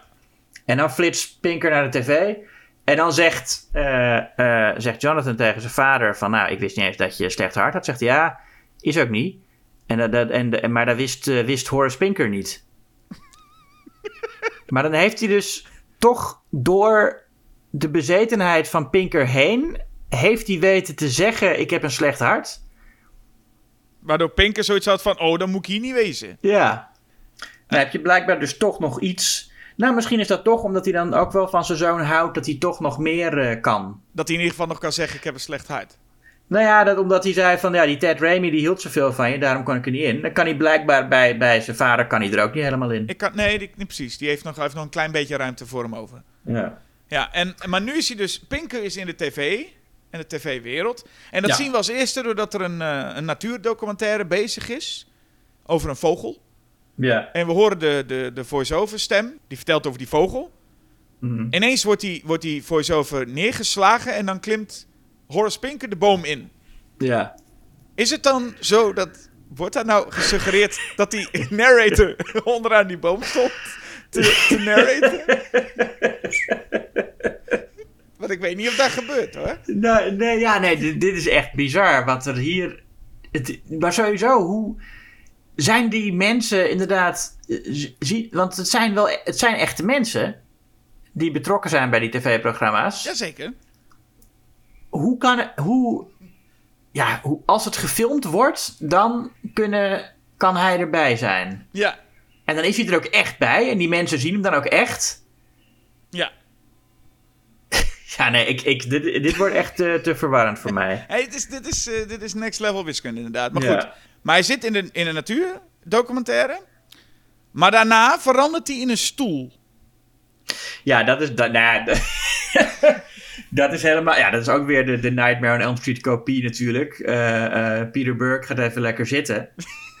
en dan krijgt de stoel omhelst hem en krijgt oogjes. En dan springen ze... Althans, eh Horace Pinker springt als eerste de televisie maar in. Weer. Ja. En dan denkt Peter Burke... Oké, ik ga het maar proberen. Ik heb die hanger om van Allison, dus ik ga het maar proberen. En springt erachteraan. Dan mag hij echt wel van geluk spreken dat, hier, dat, dit, dat dit lukt, hè? Ja, je kunt je voorstellen ja. dat hij vol met zijn ases tegen de televisie aan zou lopen. Maar nee, hij kan het nu ook. Hij heeft die hanger van Allison, geloof ik, om. Dus hij kan nu ook door de tv. Of zou hiermee gezegd worden omdat hij kind is van? Of Wat? Nee, ik denk dat hij gewoon, hij gokt, hij gokt, maar hij is op intuïtie is hij bezig. Dat is het. Maar, maar hij, heeft, hij heeft blijkbaar gewoon heel goede intuïtie. Maar is het zo dat hij als enige dit zou kunnen? Of hadden meerdere mensen dit op dat moment achter Horspinker Ehm. aan kunnen springen? Eh, God, ja, dan vraag je me wat. want, want is het, eh, heeft het, komt het door die hanger? Of komt het door hij is een pinker? Of Nee, ik denk niet dat het komt doordat hij is een pinker. Dat niet. Nee. Maar die hanger zou er wel mee te maken kunnen hebben. Maar ja, god. Ja, nee, Jasper, ik weet het niet. nee, ik ook niet. Ik weet wel dat ze vervolgens door allerlei televisieprogramma's gaan. Ja, dan krijg je echt... Nou, dit is echt een belachelijke scène. Met, een, eh, met, ja, met heavy metal op de, erbij, eh, op de achtergrond. Er zit sowieso heel veel heavy metal in deze film. Hè? Dat is ook wel heel leuk. En, eh, nou ja, en, en dan, maar dan gaan ze inderdaad ja, door tv-programma's heen. En, in de, en, en, die, en het is net als in die, eh, die Halloween-aflevering van The Simpsons. Dat de mensen in die tv-programma's reageren ook echt op, op hun. Ja, en het is een beetje op zijn, eh, op zijn Forrest Gumps gedaan, toch? Archiefbeelden waar ineens zij achter Ja, in ja, geplakt zijn. Ja. Niet volledig overtuigend uh, zitten Nee. ineens, zitten ineens twee mensen ergens ingeplakt. Ik, ik heb ergens ook het idee, is, zou dit ook een groot deel van de pitch zijn geweest of iets dergelijks? Want dit voelt als een, dit is een heel klein stukje, Mhm. maar dat zou ook zeg maar een heel groot deel van de film kunnen zijn. Horace Pinker komt terug en kan dan door televisies. eh, Ja, het, het, voelt, het voelt echt als van: dit is, dit is waar de film om gaat, jongens.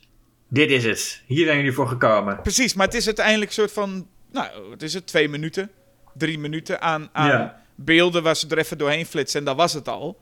Ja. Maar het voelt inderdaad als een belangrijker iets dan het uiteindelijk is. Want ze, Ja. ze, vlie- ze vliegen wat langs. En jongens, die Horace Pinker en, en, en die Jonathan ook een beetje... Die, die hebben ook zo'n ADR moeten doen waarschijnlijk. Dat ze later die stemmen moesten inspreken met... Wow, woe, wow. ja. Dat doen ze. Ja, er zijn ook dingen als een, een, een explosie. En dan moet hij weer inderdaad, eh, vliegt hij weer een eind weg. En ja. En dan komen ze op een gegeven moment ook een huiskamer binnen. Een heel ander- Ja, andere stijl. Nu, nu zitten we echt in een sitcom. Wat zwaarlijvige vrouw zit met zo'n bak popcorn klaar op de bank. Ja. En ze kijken op dat moment naar atoomexplosies. ja. Dat, dat, dat gezin waar ze zitten, dan zit je echt in een Dick Maas film. Hè? Dan, want zij zegt dan, als ze weg zijn, zegt ze... I've heard of audience participation. Maar, en, eh, eh, eh, nou ja, en dan heeft ze nog zo'n one-liner. Hoe, gaat het ook weer? But this is... Dit is ridiculous, zoiets. Ja, this is, ja, I've heard of audience participation, but this is ridiculous. Ja. Je je bent het ook kwijt daar hoor, want er gebeurt zoveel. En Peter Burke Ja. is, zit maar op zijn afstandsbedienetje te klikken om maar naar de juiste zender te gaan. En dan is er dus een moment dat, dat, dat ze live zijn. Dus die, die, is die man die heeft, is, die heeft woord gehouden, hè? Die is live. Ja, die, die zit daar nu live. Maar daar is gewoon de muur ook. Dus die man die kiest er ook voor om live te gaan op gewoon de muur. Ja. Niet eens dat hij denkt, ik breng iets anders in beeld of mezelf in beeld, dat ik iets uit... Nee, het is gewoon de muur. Ja. Nou, en daar komt, godzijdank voor die man. Ik vrees al een beetje voor zijn carrière, maar godzijdank komen daar Horace Pinker en, en, en, en eh, Jonathan Parker ineens eh, uit die camera, of uit de tv zetten. Ja. En dan moet hij ook tegen die cameraman zeggen: Look, it's Horace Pinker, it's Horace Pinker. Snel, film hem. Alsof die cameraman dacht: Ja, als het Horace Pinker niet was, dan ga ik die camera echt niet er naartoe draaien hoor. er moet wel echt iemand zijn. Ja, die, het is Horace Pinker. Kijk, kijk, kijk, het is hem. Nou, camera er naartoe. Ja, en, en, en dan krijgen we een raar stuk. Dan pas krijgen we. Nou ja, het was al raar, maar nu snap ik het gewoon. Ik snap ook gewoon echt niet wat er. Ik wil het ook niet snappen, niet eens. Nee, dit is, eh, dit is toch jammer dat Christopher Nolan dit niet gemaakt had. Want dan hadden we wel uitleg gekregen Ja. hoe dit nou eigenlijk zou werken. Ja, dan was Elliot Page er geweest om te zeggen: wait a minute. Ja, Ja. de one-liners, want dat is natuurlijk wat, wat, wat Horst Pink wel de tijd doet, hè? Die zijn Mhm. ook soms. Ja, oh ja. Zo, die zijn ook soms maar raar. Nou, hij is meer dan. Hij is, hij, hij is veel grof gebekter dan Freddy. Heel vaak is het gewoon. What the fuck? En dat, Ja. dat soort dingen. Maar hij is, hij is niet zo vindingrijk wat one-liners betreft. Soms denk je echt van, nou, had even wat beter je best gedaan. Ja, precies, dat is het ook vooral. Want hij zegt op een gegeven moment, als hij dan met zijn vingers bijna bij eh, het stopcontact zit, dan zegt hij contact. En dat was het dan. Hij zegt ook op een gegeven moment: zegt hij, No more Mr. Nice Guy. Nou ja, En dat is ook de tagline van de film. en een van Wat- de eh, titel eh, eh, van de muziek. Ja, en, het is een nummer van, van Alice Cooper inderdaad. Wat hier in, de, in een cover van Megadeth eh, Ja. eh, te horen is. Maar ik vind het zo'n rare generieke tagline. No more Mr. Nice Guy. Waar, waar slaat het op? Ja, nou, hij was gewoon prima toen hij nog Hij wa- hij was nice guy was. Ja. Maar nu? Ja. Maar wat er is gebeurd, hij heeft een soort eindgevecht waarbij Jonathan met de afstandsbediening Horace Pinker op pauze kan zetten. Maar oké, dan denk je, oké, hij kan hem op pauze zetten. Maar door met de afstandsbediening naar links of rechts te zwaaien, kan hij hem door de kamer laten vliegen. ja. Dat zijn twee functies, totaal verschillende functies met Ja. één afstandsbediening, hè? Ja, ja, ja. En dan heeft hij, hij voor mij natuurlijk ook nog iets met de fast-forward knop. Ja, en terugspoelen en dan slaat Maar Horace dan- zich een paar keer voor, het gezicht, voor de bek. Ja, en dan, maar dan controleert hij ook gewoon compleet zijn bewegingen opeens. Dus als, je, terwijl als je op fast-forward, als ik op fast-forward duw bij, bij, bij een film, heb ik niet meer controle over wat er in die film gebeurt. Het gaat gewoon sneller. Het gaat gewoon sneller. Ja. Ja, ja. En dat is, nou, dat is de, de, de scène uit Freddy 6, hè, waar die, die, de- de- de- dat is het eigenlijk. Ja, alleen het, het, het, het gekke is dus dat je... Ik bedoel, het is wel Freddy 6, maar het is ook nog eens dat Jonathan Parker was altijd al snel met dingen bedenken. Maar nu is hij dus sneller dan de persoon die in deze wereld zit. Ja, nee, dit is, dit is, dit is een beetje de, de, de, hoe je de, de geest uit de fles voor de gek houdt. Is het, hè? Van, oh geest, eh, j- j- jij bent zo'n grote geest, hoe pas je je nou in zo'n kleine fles? Of het einde van Disney's Aladdin, waar, waar Jafar een geest wordt en dat, dat is het. Van, je, je, oh, je, je wou dit, maar nu heb ik de controle over jou. Ja, alleen dan zou... Daar voelt het nog bij dat de regels ietsjes duidelijker zijn. ja, nee, dit is inderdaad arbitrair. Ja, Ja, maar hier is het inderdaad, zou het zijn dat als het Nightmare on Elm Street was geweest met, met, met, met Freddy, dan zou het dus zijn dat er een slachtoffer komt en die doet een paar dingen en dat Freddy denkt, wat de fuck gebeurt hier allemaal? Ja. En dat ze zeggen, ja, dit is wat in een droom allemaal kan. En dat hij denkt, oh verrek. En dan, en dan, en dan hangt, hangt die eh, Horace Pinker in de lucht op pauze. Maar dan kan je nog wel praten. Ja. En eh, dan, komt hij met, ja, dan gaat hij met een mes naar, naar, naar hem toe. En dan zegt Pinker van, ah, doe het dan, doe het dan. En dan nou, doet hij natuurlijk niet. Gooit hij dat mes ook door het raam.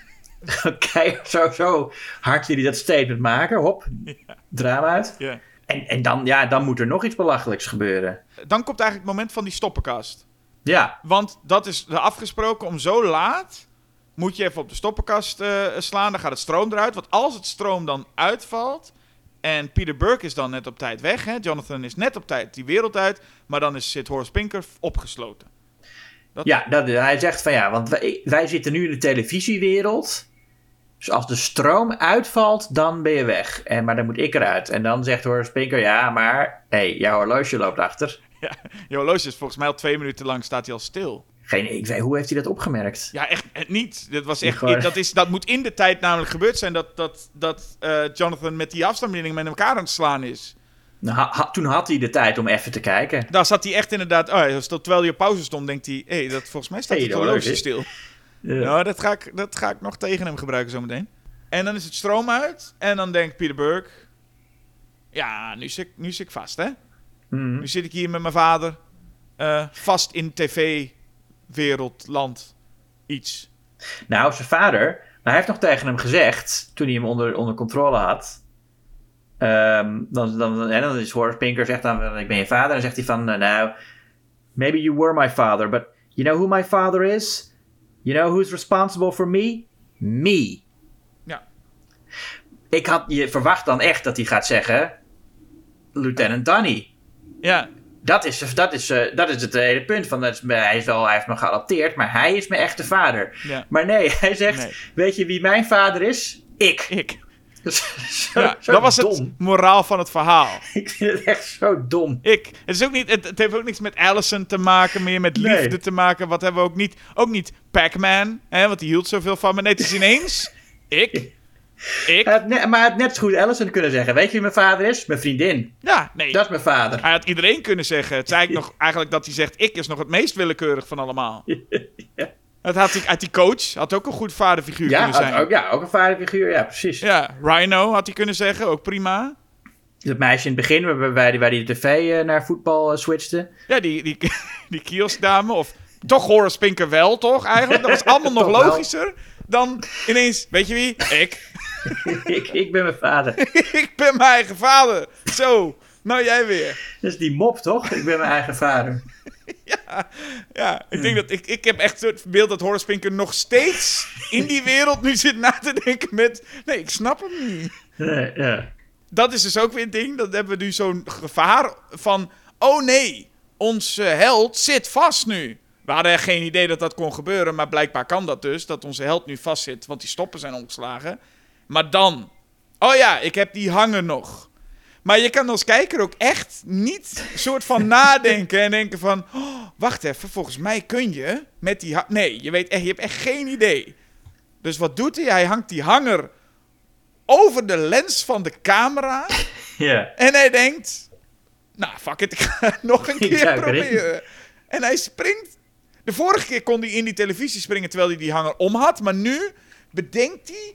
Ja, ik moet hem maar om de lens hangen, toch? En dan kan ik er waarschijnlijk doorheen springen. Dan kan ik in die camera springen. Maar stel, ik bedoel, wat als het nou niet lukt, hè? Als het gewoon, stel dat die scène erin had gezet, dat hij die, dat ding aan de camera hangt en dan gewoon keihard tegen die camera aanrent. En dan zegt, oh, niet gelukt. Wat, wat hadden we dan verwacht dat er ging gebeuren? Nee, ik zou zeggen dat het een soort Deadly Friend einde is. Dat hij dan tegen die camera aanrent en dat je dan hoort Spinker nog even hoort lachen en op hem af ziet lopen en dan einde. Maar het is zo willekeurig, omdat hij dus eerst door die tv sprong met die hanger om zijn nek. Dus dan denk je ergens als kijker nog, ah, als hij dat ding om zijn nek heeft, is die onsterfelijk, noem ik maar wat. Of kan die dingen. Kan niet wat, ja. Maar nu, waar de fuck haal je de theorie vandaan dat dat ding maar om die camera heen moet hangen? ja, en dan nou ja, kan je er doorheen springen. Dat doet hij. En, maar, en dan, ik denk van ja, als je, als je het om hebt, dan kun je door de tv. Dus als de camera het om heeft, kun je door de camera. Er zit een soort rare logica. Misschien klopt het uiteindelijk wel. Ja, misschien wel. Ja. De camera kijkt ook en filmt en dat komt dan op tv. Maar goed, dat is nog niet alles, want hij, hij springt dan in die, eh, in die camera en dan komt hij ook nog eens uit, niet uit zijn tv op zijn slaapkamer, maar uit een tv in de woonkamer van zijn eigen huis. Ja. En, die, en dat is ook nog niet alles, van die tv.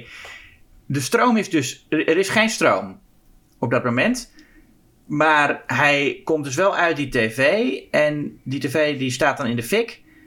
En dan hoort hij nog de stem van Horace Pinker eruit. Ja, die begint En dan... dan pakt hij de afstandsbediening en dan zet hij de tv uit. En dan stopt hij met branden. Maar dan kun je ook, ja, precies, dan kun je ook de vlammen iets minder meezetten. Dus gewoon Ja. even iets minder vuur graag. En dan zet hij die vlammen uit. En dan is Horace Pinker, nou ja, als het goed is. Maar ja, dat hebben ze natuurlijk. Dan, ze, wil, ze, ze verwachten dat ze dan een vervolg konden maken, dat hij weer terugkomt.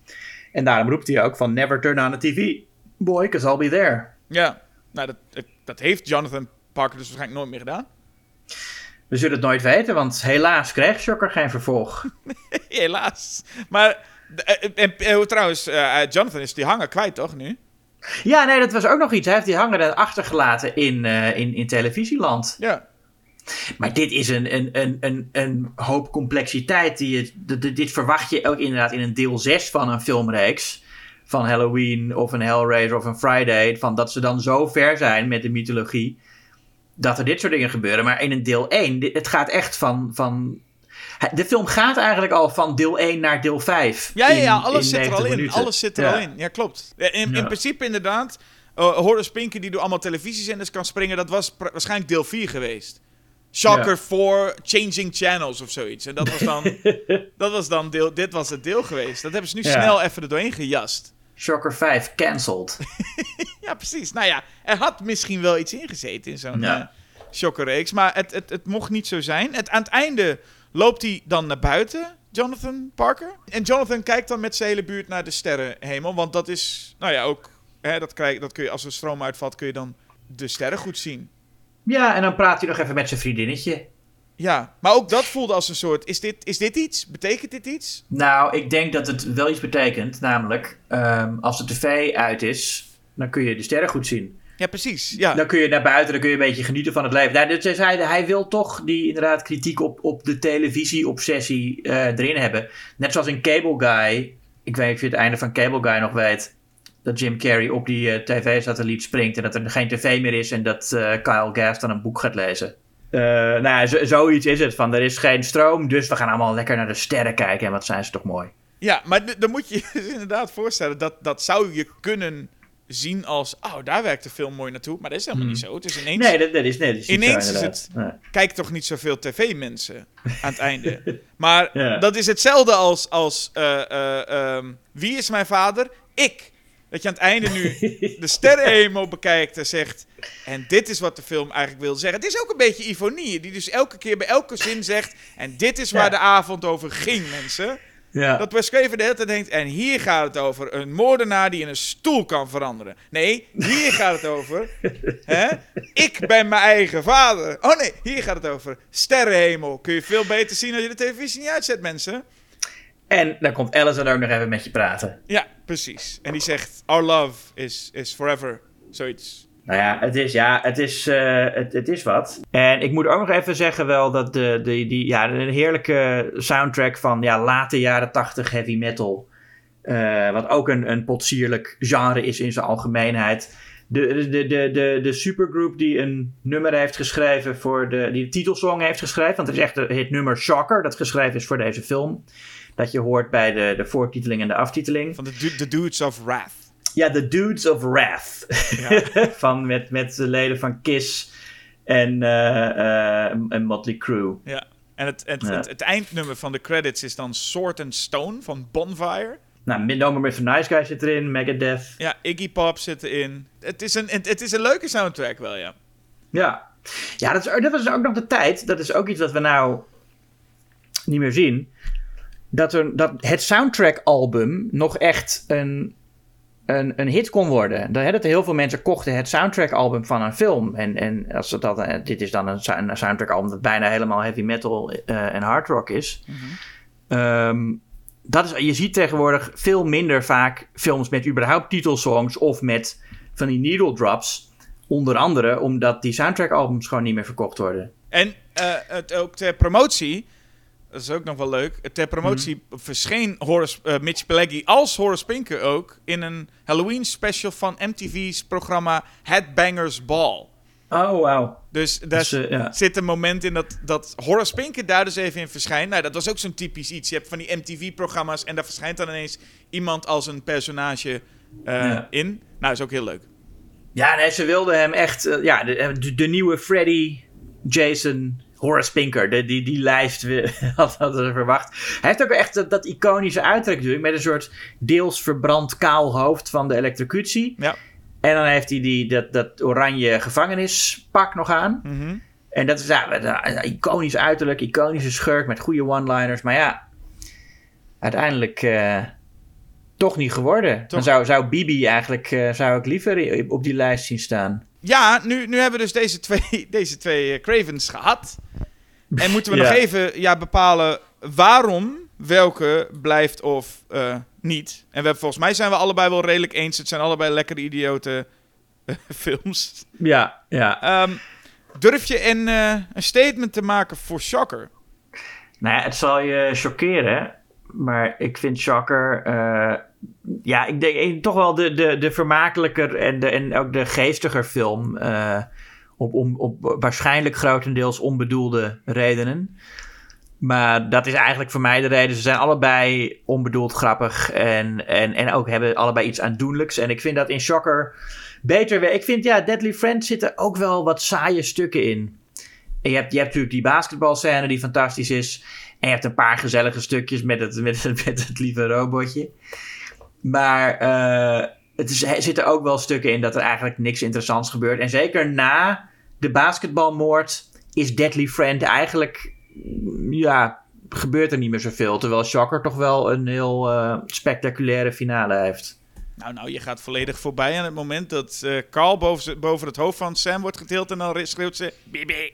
Ja, oké. Eh, ik kan niet om BB heen ook. Dit, dit, dit, Christy Swanson die BB nadoet is, is leuker dan Mitch Pileggi die probeert een nieuwe Freddy Krueger te zijn.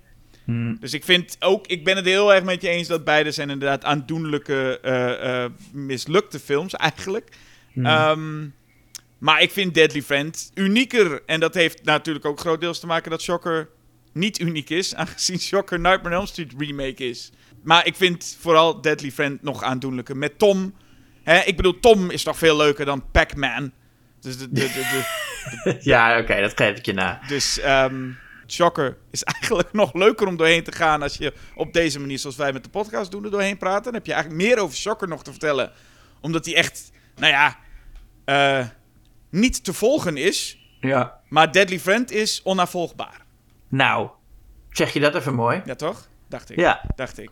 Eh, het is tijd voor de luisteraar, denk ik, hè? Dat hij het eh, moet, moet gaan Het is zeggen. tijd dat de luisteraar het mo- het moet opschrijven op een briefkaart en die opsturen. En daarna, of daarvoor, mag je zelf weten, moet je je ook abonneren op de podcast. Je moet reviews achterlaten, je moet sterrenratingen geven. En je moet een abonnement nemen op het fysieke tijdschrift Schokkend Nieuws. En ook de website daarvan eh, bekijken, schokkendnieuws.nl.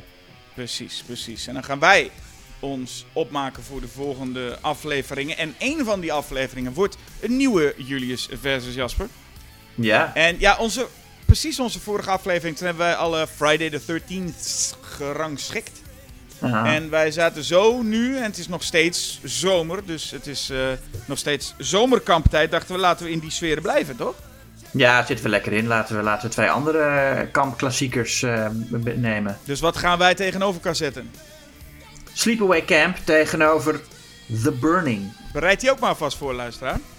Ga ze maar lekker kijken. Ja, gaan wij hetzelfde doen. En dan zou ik zeggen, Julius, bedankt voor deze. Jij ook. Tot de volgende keer. Tot volgende keer.